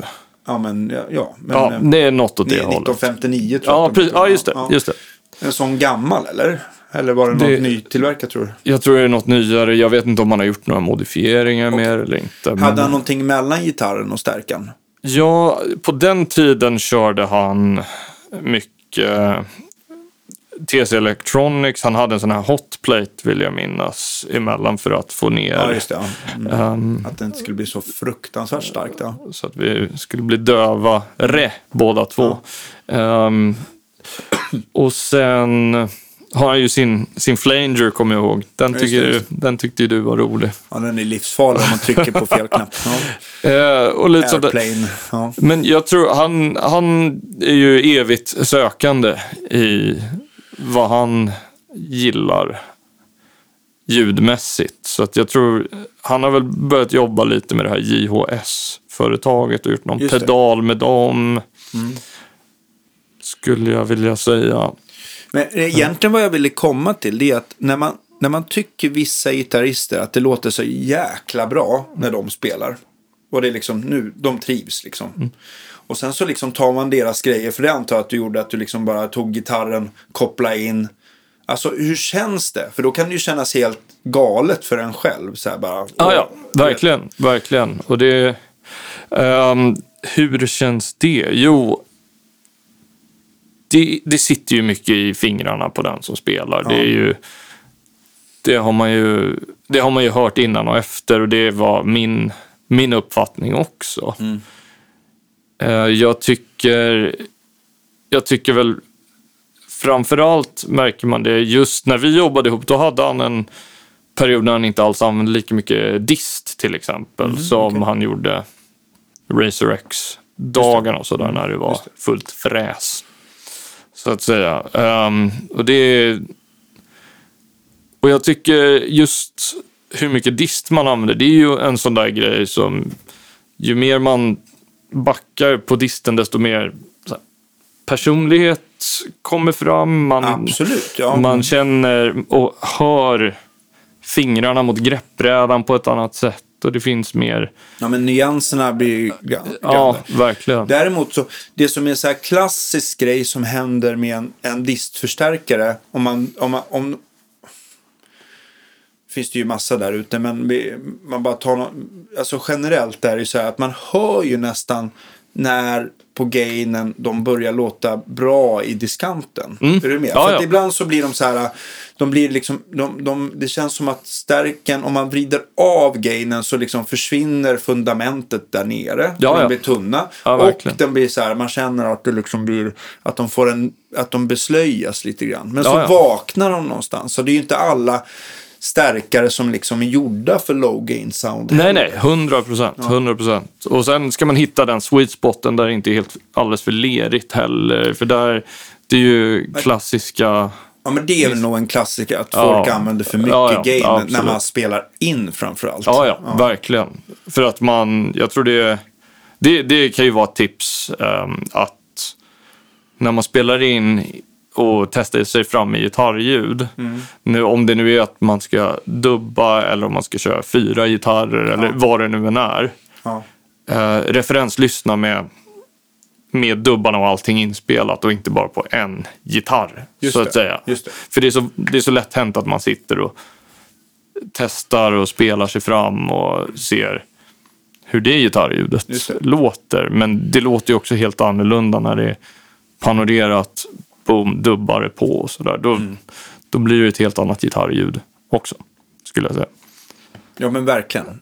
Eh, jag tänkte också en annan grej. När du, när du trackar rena gitarrer.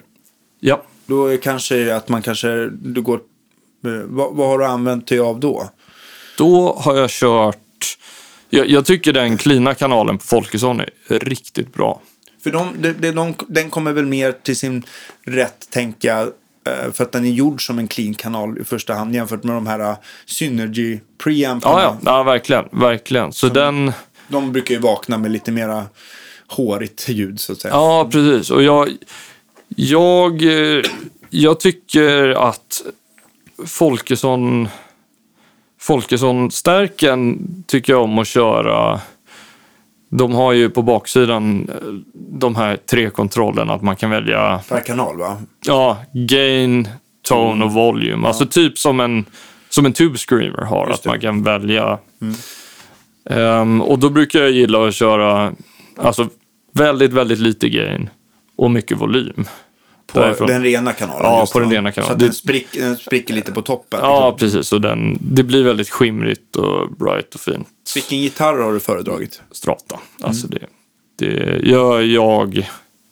jag är mer lagd åt rena ljud på single coil. Sen alltså har jag ju en Lundgren Revolver P90 i Les Paulen som låter jättebra också. I stall och hals eller bara hals? Nej, hals. Så kör jag en Heaven 57 i stallet. Ja, det låter som en bra kombo. Ja, det är, det är väldigt varierat och extremt liksom, bra, välljudande. Och det, jag kan, du kan få lite videos som Ja, du kan lägga upp om du vill. Men sen så det finns ju också, han, revolvern är ju en P90 kan man säga. Ja, Och, eh, där han gör ju även den Crossroadsen också, som, den ser nog ganska identisk ut. Det bara skiljer där är att det är istället för vad heter den? Crossroads? Crossroads, då är det stratamagneter, då är det själva de här roddarna Ah, som ja. sticker upp. Det är de som är själva magneten. På en P90 är det ju två handbackermagneter kan man säga, Ah, som ja. ligger under spolen. Så då blir det en annan, alltså det är en annan konstruktion och ett lite annat sound. Och mer, Förstår. om man säger så här att man har handbacken eh, i ena hörnet och eh, stratan är i det andra. Mm. Då hamnar ju crossroaden liksom eh, mittemellan, alltså lite Mm. Okej. närmare stratan och, P, och mittemellan stratan och P19 och P19 mellan crossroadsen och handbacken kan man säga så här. Om man, så om man ökar, vill man ha ännu mer sprill så kan man ju välja den. Ja, jag fattar. Men, Intressant. men åt andra sidan så vet jag inte om jag tycker att det är alltid en bra idé för att om man i alla fall spelar live så är det ju inte sådär att, ja, visst man kan ju vilja ha skillnad på mickarna. Mm. Men det är ju ingen bra om det blir så stor skillnad så att du vill liksom gå och vrida på stärken. Nej, nej, Så absolut. det ska, ändå, det ska vara en gitarr som ändå funkar tycker jag. Ja, ja, absolut. absolut. Men jag, jag tror just med, med rena ljud är jag bara Ja. lagd åt single coil sound, alltså strata ljud till exempel. Ja. Ehm, och då tycker jag just Folkesson, stärken låter jättebra och sen har jag den här Synergy-modulen som heter OS som Synergy har gjort själva och det är väl en hyllning till Dumble Overdrive Special. Ja, ja, ja. Och den modulen är helt magisk. Knäckande bra. Ja, det är, det är i alla fall som jag hör rena ljud Mm. i huvudet. Och där, där går jag mer åt liksom John Mayer, Stevie Ray Vaughan. Ja. Rosewood strata in i en bra clean stärk. Ja. Det är en, ja. Jag tänk, en annan grej som eh, när det gäller eh, eh, vad fasiken tänkte jag på? Just det, just de här halvdistade ljuden. När vi pratar mer så här AC/DC. Alltså det, vi har ju pratat väldigt mycket nu om stra, alltså clean, verkligen cleana sound och eh, vrål. Alltså mer mättade hårdrockssound. Ja. Just, men det här som också är väldigt svårt, det är ju det där som är mittemellan. Mittemellan. Ja. D- Där det egentligen är mer volym än gain, skulle jag säga. Mm. Tycker jag i alla fall. Där man... Alltså när jag gör de ljuden så skulle jag nog säga att jag... Jag börjar typ cleant och sen rattar jag in gainen i efterhand. Så att, man, så att jag tycker att jag har en bra liksom, strängseparation och attack det. och så, och så plockar jag fram typ ett V eller en Les Paul eller någonting som jag tycker låter bra. Där, Eh, Har du, är det någon av de här Synergy-grejerna eller har du använt typ den här Crude-kanalen? Crude-kanalen är grym. Den, den har jag använt. Innan det har jag kört Friedman. Ja. Och nu ska vi se så att jag inte ljuger.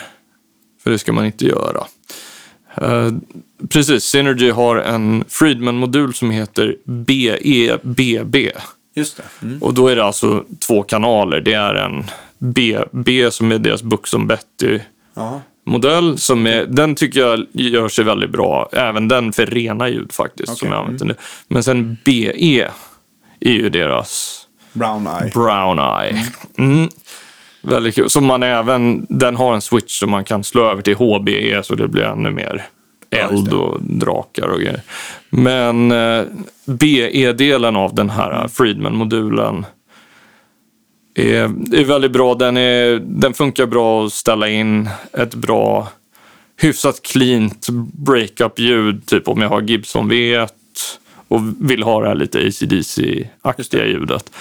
Och sen när jag känner att jag har ett så här cleant breakup-ljud, då drar man in lite dist liksom. Men det, det är mer att man att den ska kännas crankad, alltså till volymen. Och Just sen det. bara på med lite dist efter det skulle jag säga.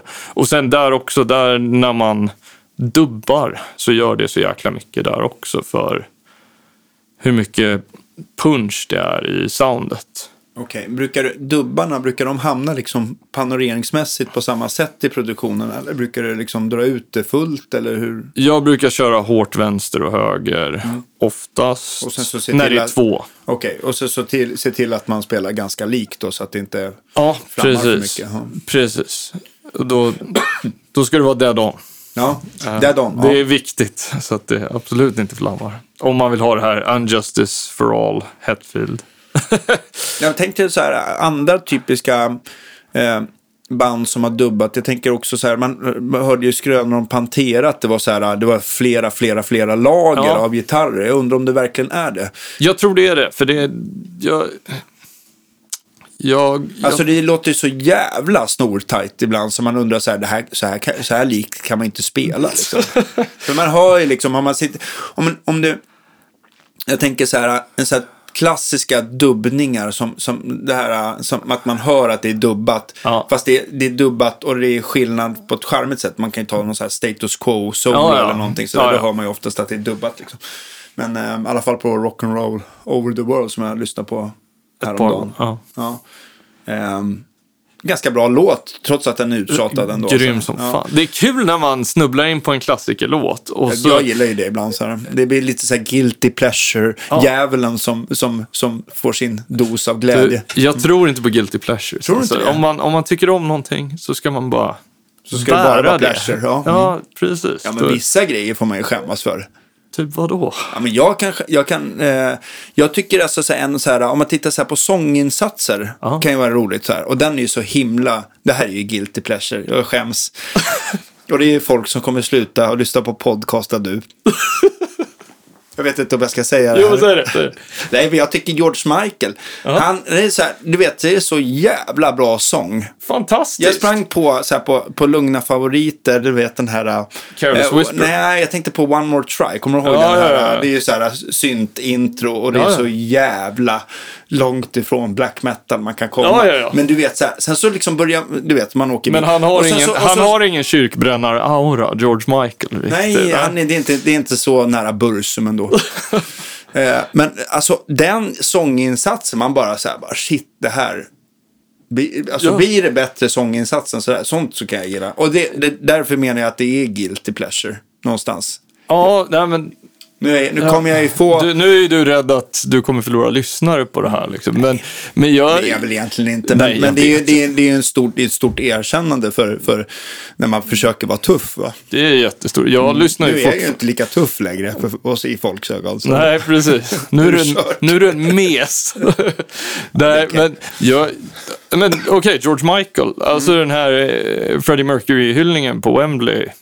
Ja, när han kör. Somebody to Love. Ja. Alltså, det är ju Ja, han, fem av jag, fem. vill bara, jag vill bara minnas att han, att han hade det ryktet att han satte aldrig en sur ton. Alltså. Ja, nej men det är...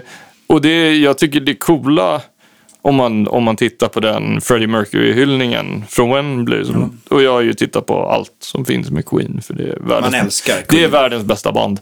Ehm, Ja, men det är riktigt, det är så här, så här bättre arenarock. Ja. Ja, Och det är liksom- storslaget, pa- pampigt. Och det är finess och det är elegant. Det är bra men det är låtar. hårt. Det är bra låtar. Ja. Ja, Men just den tribute-konserten då. George Michael är ju den enda av de här sångarna som Mm. ger sig på en Queen-låt och försöker göra den Queenig. Mhm. De andra, alltså Stone Cold Crazy är med James Hetfield. Ja, det är ju det. mer Hetfield. Just det, ja, det, de, Ehm, det blir en Metallica-version. Ja, precis. Who Wants To Live Forever, Seal. Och det Ja. blir liksom en Seal-tolkning av Ja. en Queen-låt. Ja, det. Medans, ja, som sagt, George, George Michael, Michael. bara. Han går in Det är slakt. Just det. Men han var väl också att de körde med honom, alltså någon turné har jag för mig va? Mm, nej, sångare, de nej du kanske blandar ihop med Paul Rogers. Ja, så kanske det är. Så kanske det är. Jag kommer inte ihåg vad han heter som är med nu. Adam Lambert. Just det. Han vann ju American Idol, Idol. Men han var väl, han gör ju det där, alltså det låter ju inte som exakt som Freddie Mercury, men han gör ju Nej, han gör det ju jävligt bra. Alltså.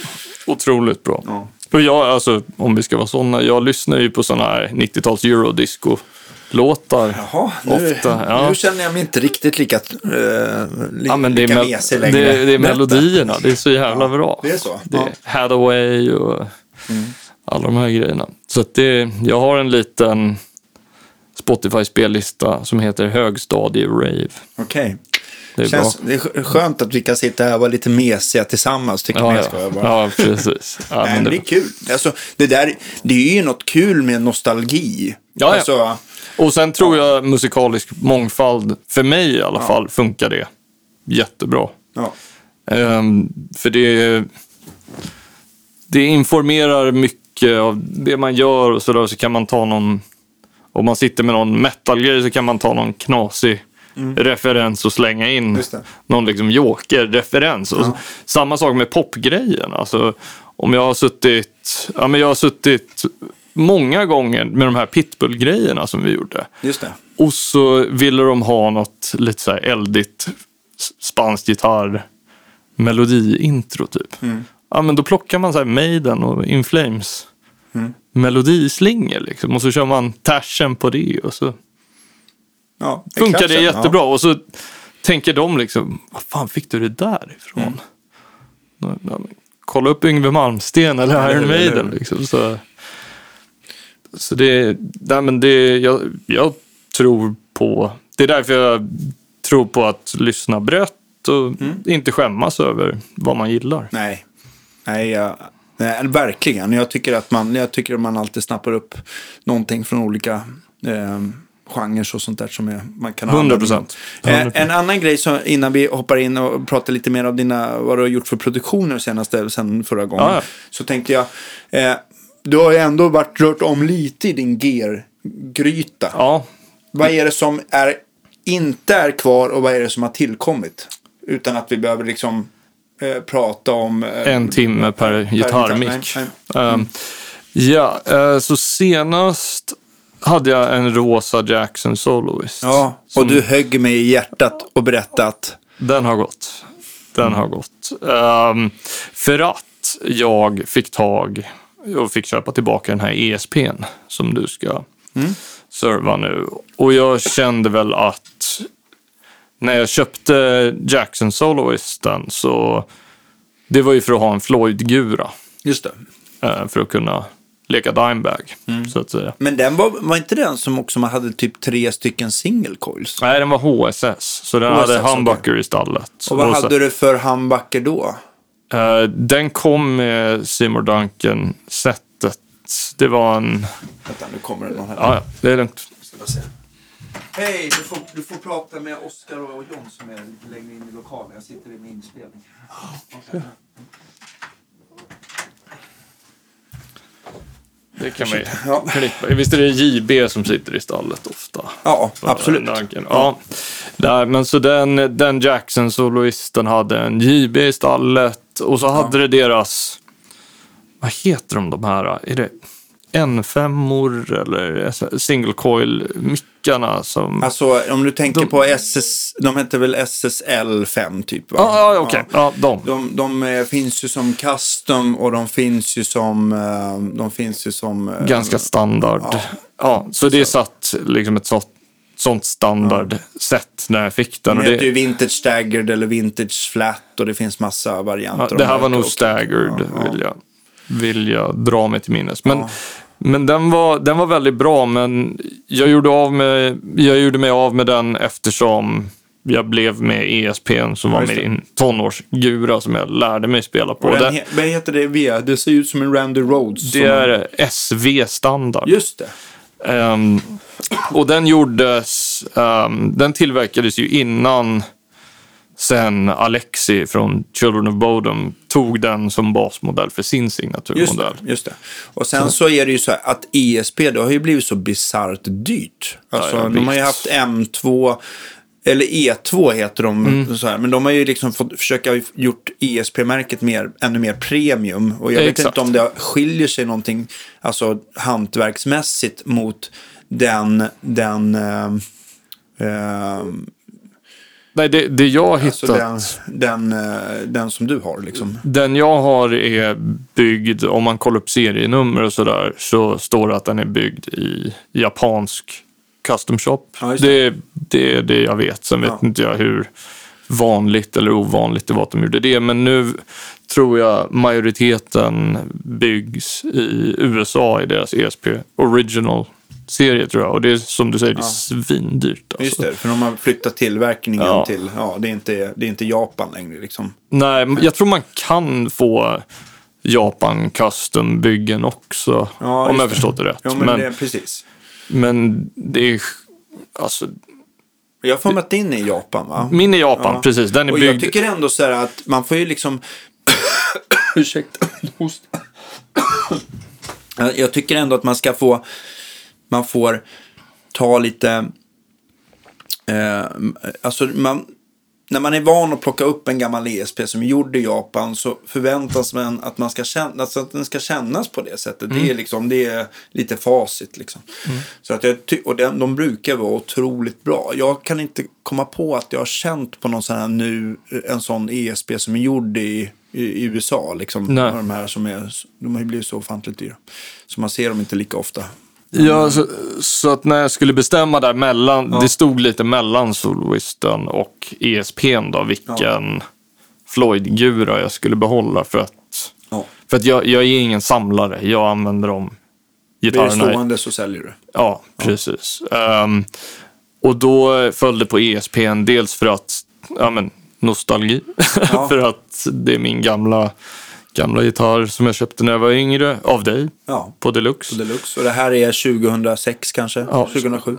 Jag tror 06 var det. Ja. Och, sen, och sen dels föredrar jag nog halsprofilen på ESPn. Som har det. Lite Den är, biffigare ändå va? ja, det, är- det är den här Thin U, alltså tunn U-profil. Så att, men den är biffigare än Jacksons Soloist Ja, just det. Mm. Profil, absolut. Och sen tror jag den har lite mer ner mellan tummen och pekfingret. Ja, lite det. mer den, utrymme. att, jag menar att man får lite mera, att den har lite mer axlar som man säger. Att den får lite, att den får lite... Lite mer ja. djup kanske. Ja, om men man säger. alltså fyllighet på något ja sätt. precis. Och då eftersom jag är... Jag lirar mycket tumme över och så, så den sitter jävligt bekvämt. Bättre stöd. Ja. Precis. Ja. Så att... ehm, Men uh, Jackson är mer för pincettgreppsgitarrister. så, Nej, men det, det är nog... Man, man, man anpassar ju sig också. Men, Ja, det gör jag man. Jag gillar inte när det blir för tunt heller. Det känns, det känns som att man inte får det stödet Nej. man vill ha ibland. ja, Och sen så har man ju olika händer. Vissa, men jag har ganska långa så jag gillar ju de lite tjockare halsarna. Ja, och jag, jag gillar också de tjockare just eftersom jag håller som jag gör. Och det, det är därför jag kör min Les Paul. Det är en 58 reissue. Så Ja. det Ja. Där finns det trä. Och det är den du kör en, en Lundgren Revolver och Ja. en... Och en Heaven 57 i det, stallet. På just den. Yes, så att... ehm, Kul med Nu- ESPn där i alla fall. Ja, är det något det- annat som har rört sig om i grytan förutom den och, eh, och eh, Folkesson då? Eh, det kom ett Gibson Flying V67 reissue. Den tror jag hade kommit ganska nyligen när jag Ja, var här ja. Ja, senast. hur? och så har Folkesson tillkommit.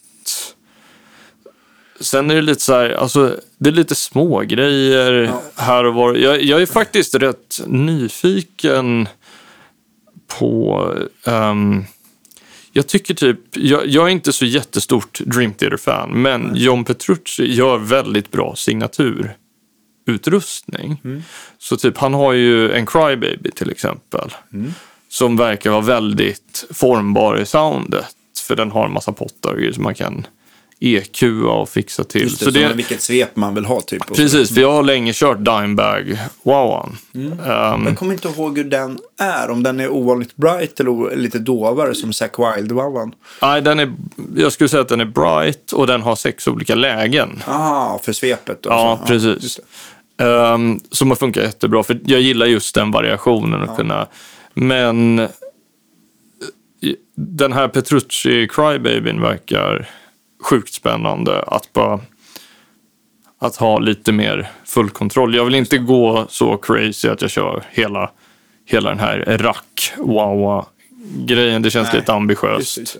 Men, men att ha mycket valmöjligheter. Samma sak med Petruccis Mesa Amp där man kan ju forma det ljudet väldigt mycket också. Så att det, det är lite grejer jag håller på att kolla in. precis. Han, förutom att han körde liksom Ibanez i tidig karriär och hade den, den signaturen så har Precis. han ju varit ganska trogen Mesa Music Man och, Ja. eh, och Dunlop. Ja, precis. precis. Dimarzio. Ja. Ja, jag kommer inte ihåg vad han använde för strängar men jag har för mig att han var ganska konsekvent där med. Va? Ja, det har han nog. Det har han nog. Ehm, men det, det är grejer jag kollar på. Sen, sen har jag... eh, Han kör ju antagligen Ernie Ball eftersom han har ja, Music Man. Men det förmodligen. är bara en, förmodligen. bara en killgissning som vanligt. En killgissning. Ja, men sen utöver det så har jag... Jag har jobbat upp en ganska bra relation borta med Gibson-folket. Både i LA och sen... Jag kanske inte har sagt det. Att Nej. vi håller till i Nashville. Jo, jag sa ju Ja, det i det början. du. Ja, Ja, och de har ju sitt typ huvudkontor i Nashville också. Så att det har... Och om jag någonsin har behövt göra någon video eller använda något till inspelning eller sådär. Då, då är de superschyssta och lånar ut grejer, ger mig bra priser på saker också. Så att det, det kom till någon Thunderbird-bas för att jag ville ha någon, någonting annorlunda från P-bas-soundet. Bara det. för att ha lite ja, men det är variation. verkligen, det blir Ja. ju ett helt annat, eller ett helt, men det är ett annat sound. Ja, ja, precis. Men, men i övrigt så har jag lånat en del från Gibson. Alltså fina ackigurer är de. Det är bra custom shop-ackar till grejer. Och sen, och, sen, och sen lite olika Gibson Epiphone-grejer till typ produktioner och sådär. Har, visst har de någon fabrik där också? Ja, det har de. Ja, har du varit och inne och kollat och har de visat runt? Eller? Ja, fabriken där de har sitt lager och alla tekniker och allt sånt där. Det är där jag har varit för det mesta. Sen har de ju sitt kända Gibson Garage där de har, det är lite mer museum och finare Ja, och okej, lite ja. så. Men där hänger inte jag. Jag, jag drar för att hämta gurer och Just det. serva och sådär. Så, att det, så det är väl där i lagret och det huvudkontoret jag har hängt på Just det. mera. Och det, och det är jättebra för det är, det är jätteduktiga tekniker som servar alla de här grejerna. Så kan man åka dit och plocka upp någonting och låna om man behöver det. Så det är väldigt flexibelt och smidigt alltihop. Just liksom. det, just det. Ehm, Så det har gjort att jag, jag kan så att säga downsiza lite i gitarrer. Man inte Just det. behöver, behöver sitta med tolv olika. Liksom. Eh, så att det funkar jättebra. En, en modell som jag tyckte var väldigt bra och prisvärd från Epiphone som jag testade och använde för en, för en videogrej. Vi kan komma in på det sen. Mm. Eh, Det är deras uh, Brendan Small-signatur som heter Ghost Horse. Jag Det är typ en inte. Explorer-kropp med lite Futura Cutaway nästan. Okej. Och så, jag gillade den eftersom den var ganska välspäckad. Den hade ebenholtsbräda Ja. och hade ett Floyd. Jaha. Rätt kul Mm. och speciell gitarr. Ehm, det var nästan så att jag slog till på den. Men, men jag, jag valde att avstå eftersom jag inte, jag vill inte köpa gitarrer som skriker för mycket signaturmodell. Nej, det är att- en, en klassisk svensk eh, Ja, känsla. Jag tror att eh, jänkarna är, de gillar väl det där mer. Ja, ja, så kan det vara. Så kan det vara. Men, men Det är lite bra att du inte tappar dina svenska rötter. Ändå. Nej, precis.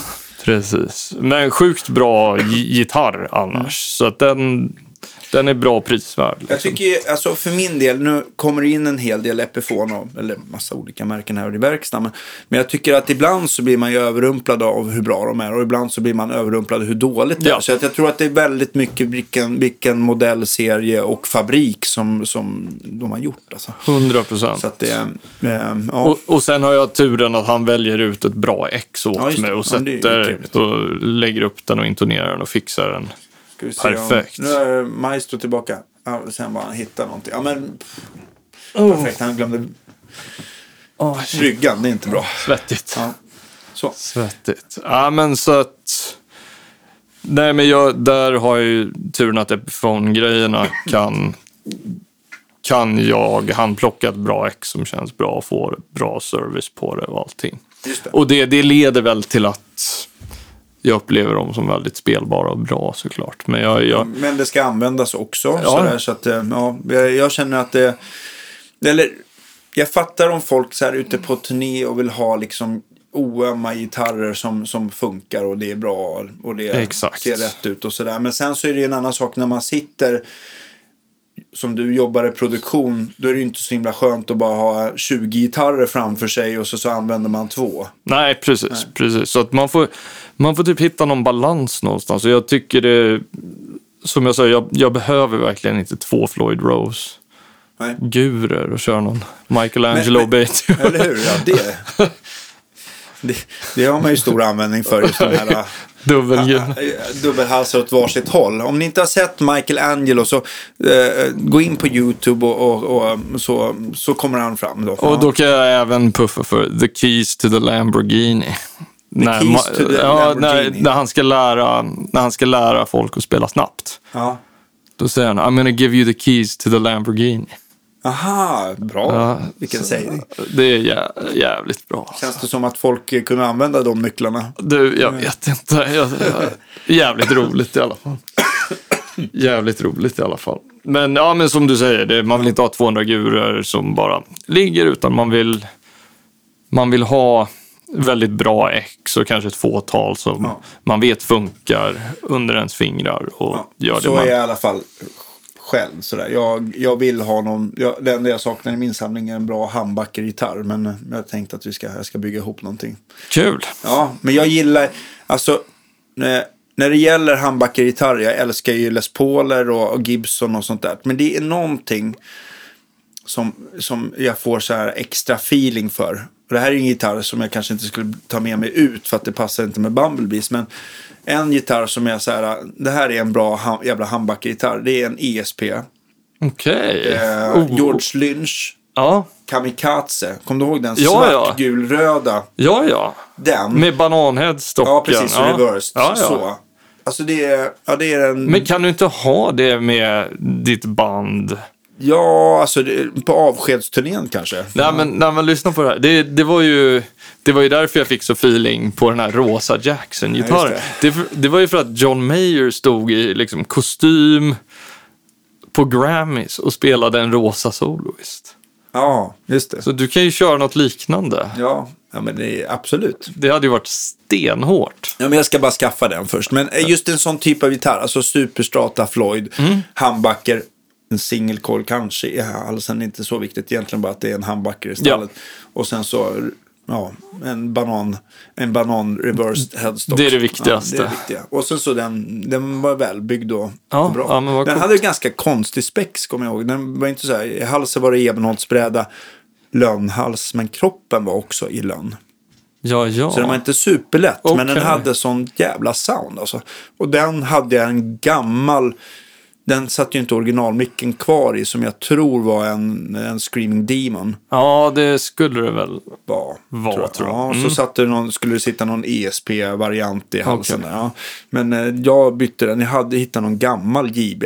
Och det, jag, de, de, alltså det, var så här, det var som ett perfekt giftermål. Ja. Just den micken i den gitarren, det lät så jävla bra. Stenhårt. Kul, otippat med ESP för dig. Ja, men en, Alltså, jag- sån, en sån skulle jag vilja ha. Och det jag tror att vi, ja det är möjligt att vi bygger någon här från scratch. Eller att man köper en, du vet en soloistkropp från Warmouth eller någonting. Ja, precis. Här. Ja, så att vi får väl se. Warmoth har ju mycket bra att välja på där. Så eh, Ja men verkligen. Mm. och du är ju helt okej på att mecka med gurer. Så Ja men det har, ska ju, väl- det har man ju. Det har du gjort prov, några Jag har gånger. provat någon gång faktiskt. Ja, för fan. Så det, det, det får vi se. Men eh, jag tror inte, ja, eller så, eller så gör man, eh, tar man någon typ någon, någon eh, jag vet inte om man hittar något gammalt och, och jobbar ifrån den. Men det får vi se. Ja, för fan. Ja, men roligt. Roligt. Sen så, men, eh, ja, men bra med grejer där i alla fall. Jag tänkte också så, innan vi avslutar, just med produktioner sen sist. Jag har ju sett att du har ju lagt upp videos när du tillsammans med sången Grönvall, va? Ja, precis. Som låter fruktansvärt bra. Ja, vad hur, kul. hur har det gått med dem? Eller vad ledde det till det samarbetet och sånt där? För ni har väl varit kompisar ganska länge? Ja, precis. Erik, va? Nu- Erik ja. Grönvall, som är i Skid Row nu. Eh, Vilken jäkla... Alltså det, vilken resa. Vilken resa. Hur hamnade han där? Uh, jag tror, vad jag har förstått så... Vad jag har förstått på honom, så jag tror de har... Han var ju med i det här bandet Heat innan, Ja. det svenska, så här melodic rock-grejen. Och ehm, då har väl de korsat vägar genom åren. Och Och Sebastian har- Bach, är hans röst i slut eller Nej, kommer han- inte överens? Han har inte varit med sedan 90-talet. Okej. Den, för han Då- har inte toppat, eller man vet inte anledningen riktigt. Jag eller? vet inte exakt. Så att jag, det, Det kan man det säkert undviker jag att killgissa om. Ja, precis. Men man kan googla fram det Ja, säkert. det kan man nog göra. Och då har de gått igenom några sångare Mm. genom åren. Och sen, och sen tror jag att de, vad jag har förstått så hörde de av sig till Erik direkt genom några sociala medier eller något sånt där. Ja. Jag vet inte. Ehm, och det, det är rätt coolt för att ehm, Erik var ju med och vann Idol för ganska, för, fan, Hur många år sedan? ja, nu? 29 kanske, något sånt Ja, där tror jag.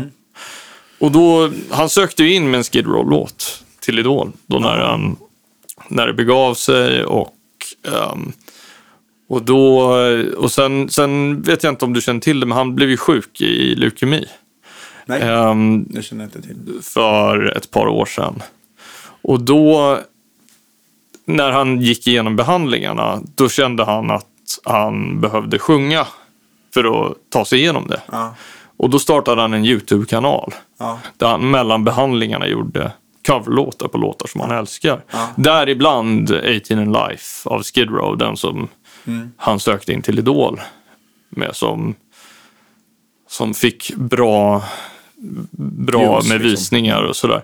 Eh, och sen, eh, sen efter det tror jag de, de hörde av sig till honom. ja. Eh, men, och det var under den tiden som när jag fick veta det här om Erik, eftersom han och jag är gamla vänner, vi har spelat band ihop när vi var tonåringar. Ja, när jag köpte SVn av dig, Ja, det var ju det. för vårt metalband Raid. Raid. Mm. Stenhårt. Ja, ehm, och då, och då började vi höras lite oftare när han var dålig och sådär, vilket till slut ledde till en, han skulle göra en Pantera-cover Ja. på sin YouTube-kanal. Vilken låt valde han? Shattered från det. Cowboys from Hell-plattan. Ja, men lite- Jag tänker att det passar hans röst Ja. också, för han är ju inte någon sån här, alltså du vet... Han är ingen eh, när- skrikare på det sättet. Mer en growl som kom på de senare Pantera-skivorna. Nej, precis. Så det, Han kanske kan det också i och för sig, det vet jag. Men jag, jag har inte fått den uppfattningen riktigt. ja, han gör är- high pitchen bättre än typ Yesterday Don't Mean Shit, som är en bra låt också. Ja. Men det, ja, hur som helst, och då, då hörde han av sig för att han ville att jag skulle lägga Dimebag-grejerna, för det var ett Ja. av våra favoritband när vi var yngre. såklart. Så, såklart. Ehm, och då, det, det tyckte jag bara var kul och han förklarade med YouTube-kanalen att det var något han gjorde mellan behandlingarna för Mm. att han kände att han bara behövde sjunga för att kunna ta sig igenom Just det. det. Mm. Så det är klart att man som kompis ställer upp och jammar. Mm. Det var ju typ det roligaste jag haft på länge också. Mm. Så att det var ett stort element av glädje för mig att kunna bidra med det, men även att kunna göra musik ihop igen. Och då hade inte, då hade inte den här Skid Row-grejen kommit upp heller. Nej. Men då hade vi så jäkla kul med det så att vi sa, men fan, vi kör på lite till och testar lite andra låtar. Mm. Och, Just det. Det är bra filmat då, både på dig och Erik. Så Ja. bra. Jag gillar det. Ja, men det är skitkul. Eh, och då började vi då började vi testa lite andra grejer. Vi har gjort allt från pop, alltså rockversioner av poplåtar, typ av Sia Ja. till exempel. Hennes låt Chandelier har vi gjort. Vi har gjort eh, en Elvis-låt som vi gjorde lite Van Halen Ja. av, typ Vilken då? Trouble. Den får du kolla upp. Du. Ja, gillar den måste jag. Ja, Mm. den, den, blev, den blev jäkligt rolig. Alltså. Och sen har vi gjort lite mer raka, alltså copy-paste Om, covers. om man vill leta efter de här på YouTube, ska man, hur söker man enklast tror du? Då tror jag att man söker på Erik Grönvall, alltså hans, Mm. hans namn på YouTube. Och så kommer det upp. Och det är ju, det är allt möjligt han har gjort. Ja, och sen har jag varit med på ett gäng av dem. Ja. Liksom. Ehm, och så har vi gjort lite mer raka covers där det inte är remakes. Så att säga. Och då är det en Guns N' Roses-låt här och så fan, en Maiden-låt gjorde vi också. Mm. Ja, och lite, lite sånt där. Det, det har varit jätteroligt. Och under tiden att vi höll på med de här grejerna. Men de där grejerna, de släpptes bara alltså, som filmer eller har det även gått och fått dem på... Just nu alltså, fi- finns de bara på YouTube. Ja, just det. Men Så det att- kanske ändras. Kanske. Det, det, det känner inte jag till i så fall. Men det, det var väldigt roligt att få först göra den här Pantera-låten och bara hoppa in på Gura där och sen att gå från det till att mer producera låtarna Just som kommer upp på hans YouTube-kanal. För det är ju, det är ju roliga sångfiler att sitta med. Men stort. Eh, man hade gärna velat kolla in han. Jag gillar den här Slave to the Grind-skivan. Ja, den är helt-. Ja. Den är helt sjuk alltså. Men det, det hände ju under tiden som vi höll på med det här då. Så ehm, Erik håller ju till annars utanför Stockholm en bit och jag satt i LA då. Helt plötsligt var han i New York och sen var han i Vegas. Ja. Eh, när vi höll på att skriva, och, eller inte skriva, men höll på att jobba på de här låtarna.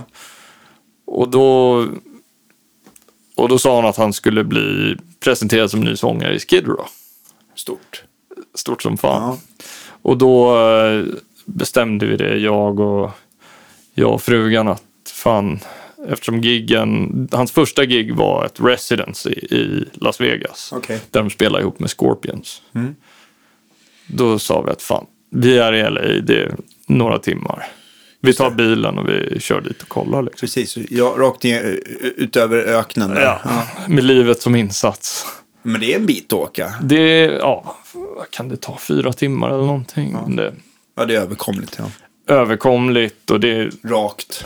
Ja, och då, och då var det så jävla roligt för det var så länge sedan vi såg så att bara se hela den här grejen. Att han, han står och frontar det här bandet och sjunger de här Det låtarna. måste Och ju det, varit nervöst första gigget och sådär. Men det Ja, gick ja, bra men det-.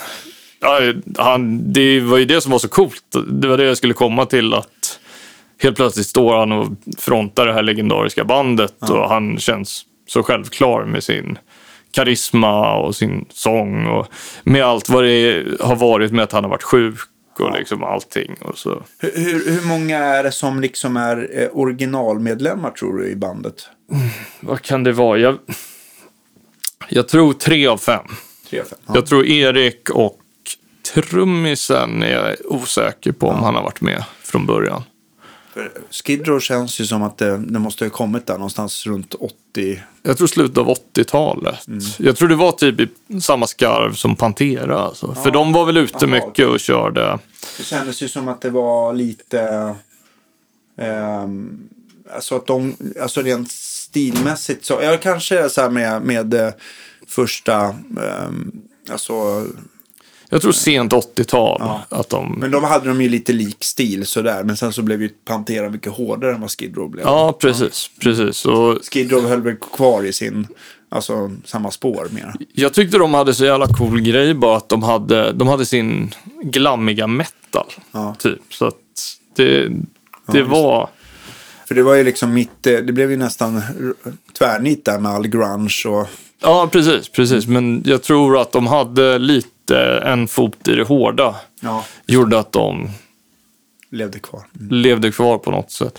Nej, men så, det, så då åkte vi till Vegas och kollade det här och det var svinkul. Och, och då gjorde vi en, jag och Erik gjorde en video backstage i logen där också. Ja. Fick dra med mig en jättefin custom shop Gibson Ja. Acke. Till Det var någon custom shop J45. Mm. Sunburst. Ja, Mm. som lät helt magiskt också. Så att det, det finns lite eh, grejer på hans YouTube-kanal om man vill kolla på det. Men det, det, det tycker jag är- det har skänkt mig väldigt mycket glädje att kunna vara med och givet varför han startade den YouTube-kanalen. Bara för att var han var, vad han var på för plats då när han startade det. Och så, så det är bara roligt att Men, men det har, har det resulterat till att han är kvar Stockholmsbaserad eller har han flyttat över? eh, han är kvar i Sverige än så länge. Jag, jag vet faktiskt inte så Det mycket. kanske är mer sjokmässigt de turnerar sådär. Ja, nej, men det, det är ju perioder som det Ja. åks en del. Ja. Så att, men men det, ehm, det har varit väldigt roligt liksom. Och bara reconnecta, dels som kompisar men även musikaliskt. Ja, verkligen. vi, vi skulle ju ta över världen när vi var tonåringar. Liksom. Ja. Det var ju planen. Och nu är det på gång. Och, och nu, nu finns det, nu kan man i alla fall lägga upp videos och folk bryr sig och tittar liksom. Det är ju, så nu är det mest lekstuga på YouTube-kanalen. Liksom. Vad, vad har du mer, alltså sen senast, vad, hur har liksom produktioner och sånt där sett ut förutom Eriks grej liksom? Eh, förutom dem så har det varit, det är, det någonting, jag fattar att det är mycket som, du, du pratar ju om att 99 av 100 kanske inte händer just någonting mer av det man lägger tid på. Men är det någonting som har burit frukt sen? ja men sen jag, senast? jag berättade ju en del om det här bandet Bad Wolves som jag var lite med och jobbade där från början och så exploderade det och ledde till att de blev ett, ett jäkligt stort band och det, det är de nu också. De har varit ute i, i Europa precis med Volbeat Okej. Ja. och spelat. Och de ska väl spela alla de här stora europeiska festivalerna.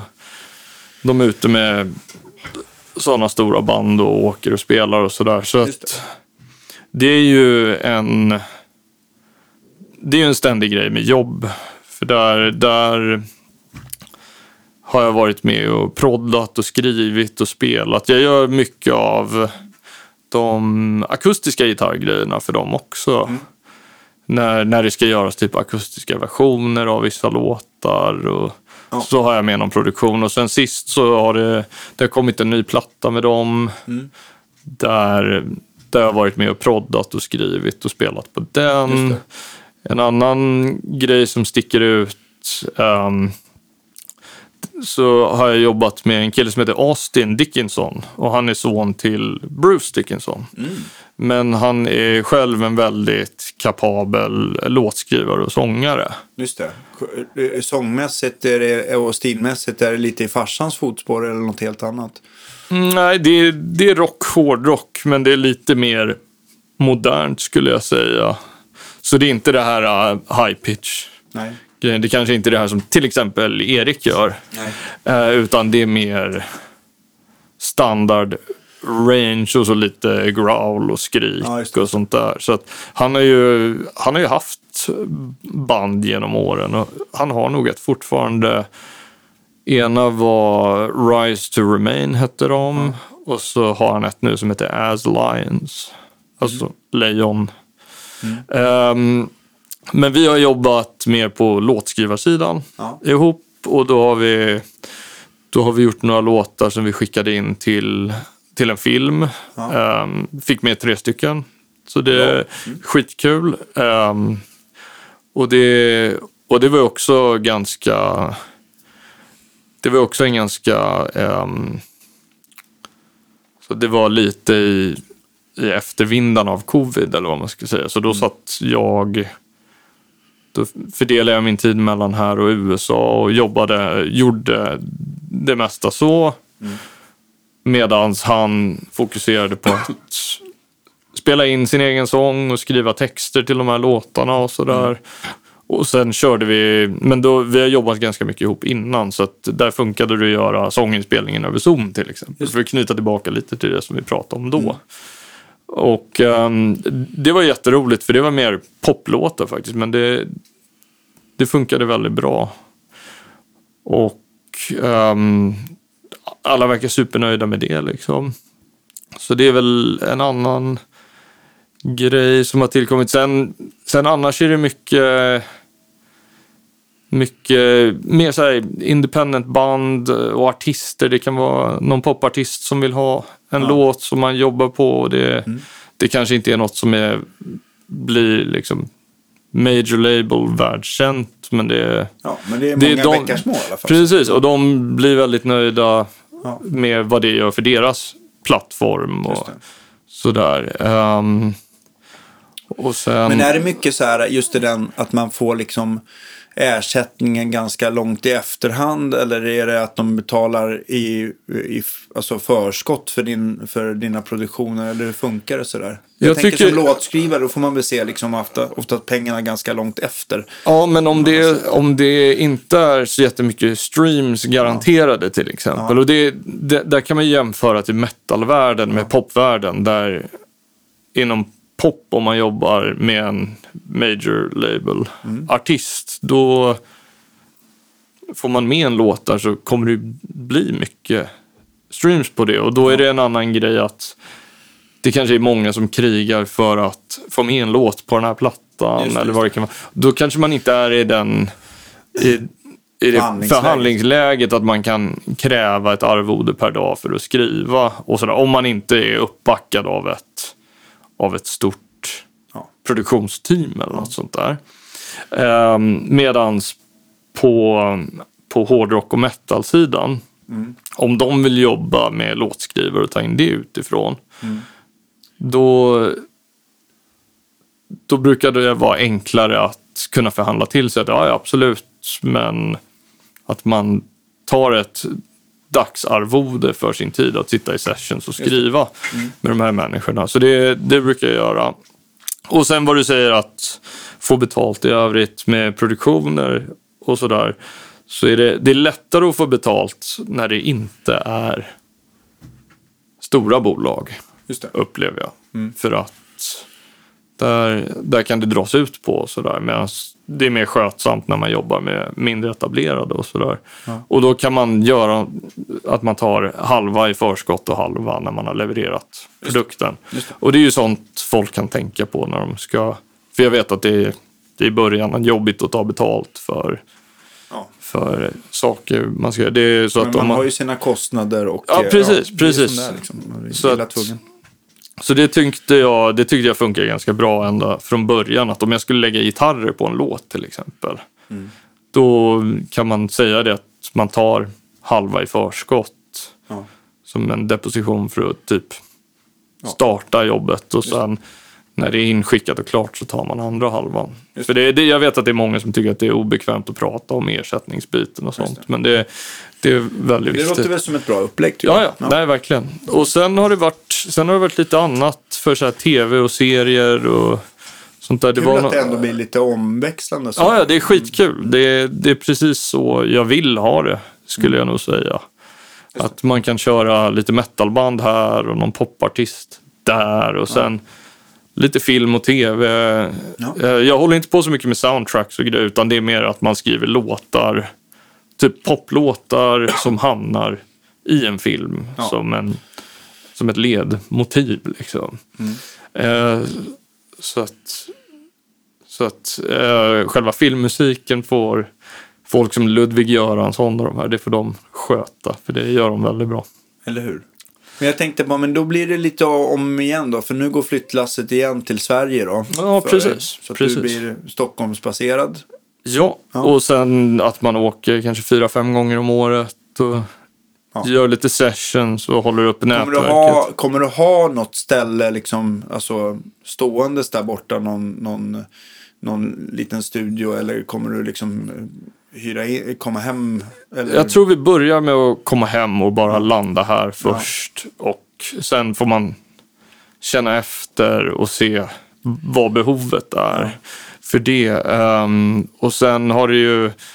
Och sen försöka spendera mer tid i Sverige och jobba upp nätverksbiten och hitta jobbtillfällen här. Så nu, nu, det är ju skitkul som sagt att kunna göra de här grejerna med Erik och han är ju baserad här. Och sen nästa vecka ska jag till Rytmus och hänga på Kristoffer Amott som Mm, var med i Arch Enemy. Mm. Han spelar i Dark Tranquility nu. Han ska göra en klinik och han ville göra att jag skulle göra en, en liksom förgrej och prata om mitt jobb och hur, hur en vardag i mitt liv kan se ut och mina erfarenheter från USA. Och så där. För det är så otroligt annorlunda från att vara turnerande musiker. Ja, verkligen. Och hur man kan... Så det blir jätte... och- Han är ju också en sån kille som man verkligen skulle vilja ha med. i jag, jag, skulle säga det. Jag berättade för honom att jag skulle vara med här, så jag sätter er i kontakt. Ja, men för han, För han är ju ändå så... Man har ju lyssnat på honom inte bara med, med, med de två, eller de banden du nämnde, utan jag tänker även så här Spiritual Beggars och lite andra. ja, ja, men Han, är, han har ju full koll liksom. Han är, han är ju en av mina favoriter från när jag var yngre. Så det var bara Mm. skitkul att han att det blev så här och jag hänger Ja, med det, och gör det, en, det, är, det är en ändå så här klassisk svensk hårdrock. För än en gång att eh, jag tycker ni ska gå in och kolla på hårdrock på export på SVT Play. det Jag plus tror, ett. även om man inte, om man inte gillar, även om man inte gillar hårdrock så är den otroligt eh, rolig. För att man förstår liksom inte hur stor, eh, kanske hur stor svenska hårdrocksband är. Eh, Nej, precis. Så det, det kan ju jag... Sen så är det väl inget som är så här, kanske Metallica, Iron Maiden, AC/DC stora. Men det, de, det är ju många som har etablerat sig ordentligt i alla fall. Verkligen. Och jag, jag tror att det finns ju inte många som är Iron Maiden och Metallica stora idag. Och det, jag tror den tiden av dinosaurieband som är liksom så Ja, jäkla De, har- stora. de, de måste ha börjat, de började för länge sedan helt enkelt. Ja. Precis. Så jag tror att man, vi går mer mot en tid där, ehm, där det är mer nischat Ja. sett till sound och look och hela den grejen. Och där har du ju ett band som, alltså Ghost, alltså de är ju hur stora som helst i Mm. USA. De är ju ett av de största hårdrocksbanden. Mm. Så att, jag menar, där har vi ju, skulle jag säga en representant Ja. för det. Men Tobbe har ju liksom, som har hjälpt mycket, han har ju verkligen en så här tydlig plan, idé, han vet exakt vad som händer om flera år framåt, hur han ska... Ja, det är han är sjukt ändå häftigt. hjärnan, hjärnan bakom allting. Men han, ja, det är roligt att prata med honom. Verkligen. Och otroliga låtar och allting. Ja. Men, men jag håller med dig, den här hårdrock på export.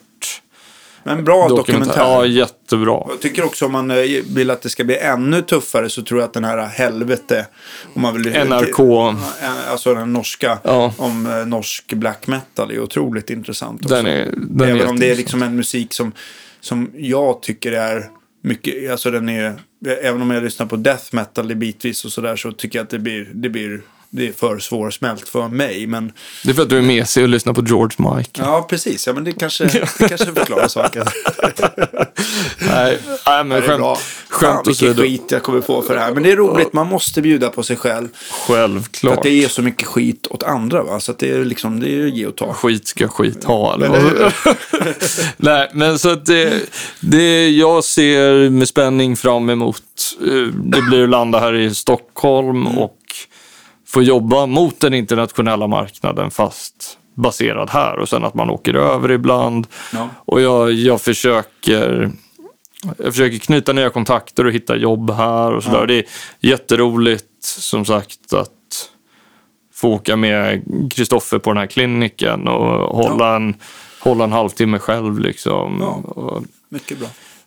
lite sådana saker. Så det, vi, sen får vi se vad som händer i del tre. Eh, så här avgör, eh, sista fråga. Jag, fan, jag, nu misstänker jag att den här ESPn är den sista gitarren du kommer sälja. Ja. Ja. Men jag tänker på, har du någonting så här på villhöver-listan nu? Så här som du har liksom, det där saknar vi. Ja, Ja, vad är det? jag vill ha en till sjua. En sjua? Mm. Eh, kanske i, lite mer i baryton-världen. Alltså som att den är extra lång scale menar du? Ja, men ja, så här gå ner? 26,5 tum kanske. Mm. Jag tycker att eh, LTD har gjort en bra snapper, så det är liksom strata eh, kroppen, jag tror det är askträ. Men snappen är ju lite mer traditionell i formen i alla fall. Mm. Ja, precis. Så jag gillar ju de mer traditionellt formade med SVn som Ja. undantag då Ja. kanske. Eh, och den, den kommer med stainless steel band. Och Den, den är extremt välspäckad Mm. för priset. Och så är den lite längre i sin scale length. Ja, Ja, Ehm, och jag tror bara den skulle komplettera eh, Flying V7 jag har som är Hade då... du tänkt att ha dem stämda lite olika och lite mer olika mickuppsättningar sådär eller? Ja, men det, det kanske skulle bli ja, men typ M7 i den och så Ja. kanske man härjar lite i drop G på den. För det kör lite, ja, Tungt ska det vara. Ja. lite ännu hårdare grejer. För Drop att- G, då är det egentligen bara en halvton ifrån vad man brukar stämma en åttasträngad gitarr va? Den går väl till Fiss har jag för mig. Ja, men det har blivit F på grund av Meshuggah. Det är liksom det, Aha. det är Okej. F som gäller. Ja. Så det är nya standarden. Är Tuning of the people. Tuning of the people. Låga F. Ja, Ja, ifall ni precis. undrar. Ja. Ja, om folk ens kan höra så lågt. Men eh, ja, bra. så, så det är ja, men en Men till inte, sjua. inte deras, jag tänker att deras eh, signatur måste, den, den RG8 eller någon, inte den lite längre skala? Och... Jo, den är väl, vad är den, 29 eller något sånt där tror jag. Okej. Sen tror jag att Vårdendal har en så kallad Stoneman. Som är, jag vill säga 27,5. Är det den som Tum. ser lite så här som en Firebird Ja, ut? precis. Så att han, och den, när jag såg dem i Texas med In Flames, då spelade han hela gigget på den. Ja. Och jag kan Och tänka var det mig... inte Per Nilsson var inte Nej, det, Torndal, det va? var Tordendal. Ehm, och- och då spelade han den hela gigget. Och jag tror att det här 27,5 är mer för att han spelar ju leads och sådär på den Ja, också. Så att, inte, så att han inte behöver trycka upp med högerhanden för att bända. Liksom. Nej, jag fattar. Men sen så just att uh, reachmässigt att det ska bli hanterbart. Ja, men De här. precis. För det är ju rätt mycket Alan Holsworth och ganska härliga grepp och sånt där som Ja, Nej, ska- precis. precis. Så det, det är någonting jag är ute efter. Jag är ute efter. Jag har faktiskt pratat med, på tal om svenska byggare och företag, Erik, Sergeant Doom. Det kanske är någon ni skulle ha med också. Mm. Ja, alltså, han är supertrevlig. Men nu, nu har han ju flyttat ner åt Nässjö-hållet. Ja, precis. Han är i Småland. Men Men jag, han är ju absolut, ja, jag känner honom. jag har pratat lite med honom vad jag vill ha. Men han är ju en av de byggarna som har fullt upp. Och om man liksom är ute efter de här lite mera alltså hårdrocks, mm. alltså mera hårdrocksaktiga Ja, modellerna. Så att han har ju sitt, jag kommer inte ihåg exakt, men Super V är väl en sån här klassiker. Sen Ja, gör han precis. väl någon Firebird-variant och någon Ja, och en någon Superstrata. Ja, Superstrata och sådär. Och mycket genomgående halsar och... Ja, precis. Så de verkar ju dunderfina. Och, det, och jag pratade med Kristoffer Amott. Han har ju ett V Ja, därifrån. det. en, med bara en mick i stallet Ja. på den. Och det är ju, han säger ju att det är en otrolig gitarr. Liksom. Ja. Så att det kanske är någonting... Ja, men han har ju fått många av svenska hårdrockseliten. Ja. ja. Där, där har du också Niklas som spelade i In Flames. Som nu är i det här bandet Halo Effect. Som Aha, jag berättade om. De okej. som öppnar för Meshuggah. Just det. Så, Ja. För att knyta tillbaka och knyta ihop. Jo, men ja, men det är ju så. Det är många, det är många, det är ju lite rotation på folk i olika ja. band. Och Ja, verkligen. kommer nya. Mm. Men många bra. kompetenta och Herregud. duktiga. Alltså, vi man tänker ju så här någonstans att eh, just det här med gäster för podden, bara när ska det ta slut någon gång? Och då är det ju väldigt många som vi har liksom inte eh, lyckats Ja, ja. hitta någon dag med. Ja. Jag fattar det. Men vi fixar hit Kristoffer. Ja, det vore Lätt. Men, jag tror nästa eh, avsnitt, i alla fall utan att avslöja för mycket, blir mer en, en, eh, en legendarisk gitarrtekniker. Men vi får se. Oh, Ja. Mm. Spännande. Att jag är ju så långt ifrån en legendarisk gitarrtekniker. Ja, men det är bra med lite variation. Det, Mm. ja. det kanske är en monolog då, nästa avsnitt. Precis, jag ska prata och svara själv. Så här, alltså, det vore två personer. Ja, ställa, är- ställa, och så ställer jag rösten så han svarar. nej, men det, Legendarisk gitarrtekniker. Det nej, är men det. det, det kommer bli kul. För att han har ju, han har ju jobbat med, med många. Så det ska bli roligt att Ah, höra lite både stories och hur folk får sina gitarrer justerade. Och hur, alltså Egentligen, vi stod och pratade om det innan vi bokade tid där, att hur, hur speciellt det jobbet är. Alltså, att man tror att det är bara lätt att stränga om gitarrer, men det är så himla mycket mer. Ja, Ja, och framförallt när den här paniken kommer att grejerna inte låter. Hur gör man? Ja. Hur löser man det? Hur fort ska det gå? Ja. Fy fasen Ja. alltså. Nej, jag kan, jag kan det- bara tänka mig Det ska det. vi prata om nästa vecka. Spännande. Då får jag lyssna på det också. Ja, Mm. men, men eh, stort tack för att du kom hit och jag hoppas att etableringen i Stockholm här under, eh, under våren eh, ja, blir bra helt enkelt. Det ska vi ja. se till. Det ska vi se till. Och tack så jättemycket själv. Ja, och vi ska, nu ska vi eh, fylla på kaffet eh, och eh, sätta i lite Lundgren-mickar i din ESP är väl tänkt? Mm. Så den sprutar eld. Ja. Och det blev, valet blev en Black Heaven va? I stallet. Mm, Och, Som är som M6 fast lite öppnare och lite snäll. ja, det skulle jag nog säga. Och sen kör jag Heaven 57 i halsen. Bra kombo. För att ha lite kräm. Och så, jag gillar när, det, när man hör att det är mickbyte. Ja. Det är det coolaste som finns. Men det är ju kanske är lite grann med, med EMG som sitter, in, äh, sitter i. Alltså man hör ju att det blir skillnad i basen men de blir ju mera, de är ju mera paketerade EMG-soundet sådär. Ja, precis. Äh, Jim Root, Slipknot, jättebra. Ja. Hoppa mellan stall och bryggmick. Det är coolt Ja. sound han har på det. Just det. Ehm, ja, men det. Ja, det, den kommer låta Men magiskt. du, så- har du sett Slipknot live? Ja, det har jag. Ja. Mm. Vad, om man jämför det med Meshuggah-konsert, för det är ju ändå också ganska så här, ja de vrider och vänder på allting. Hur, vad, vad, blir, vad blir man mest så här, imponerad eller omskakad av?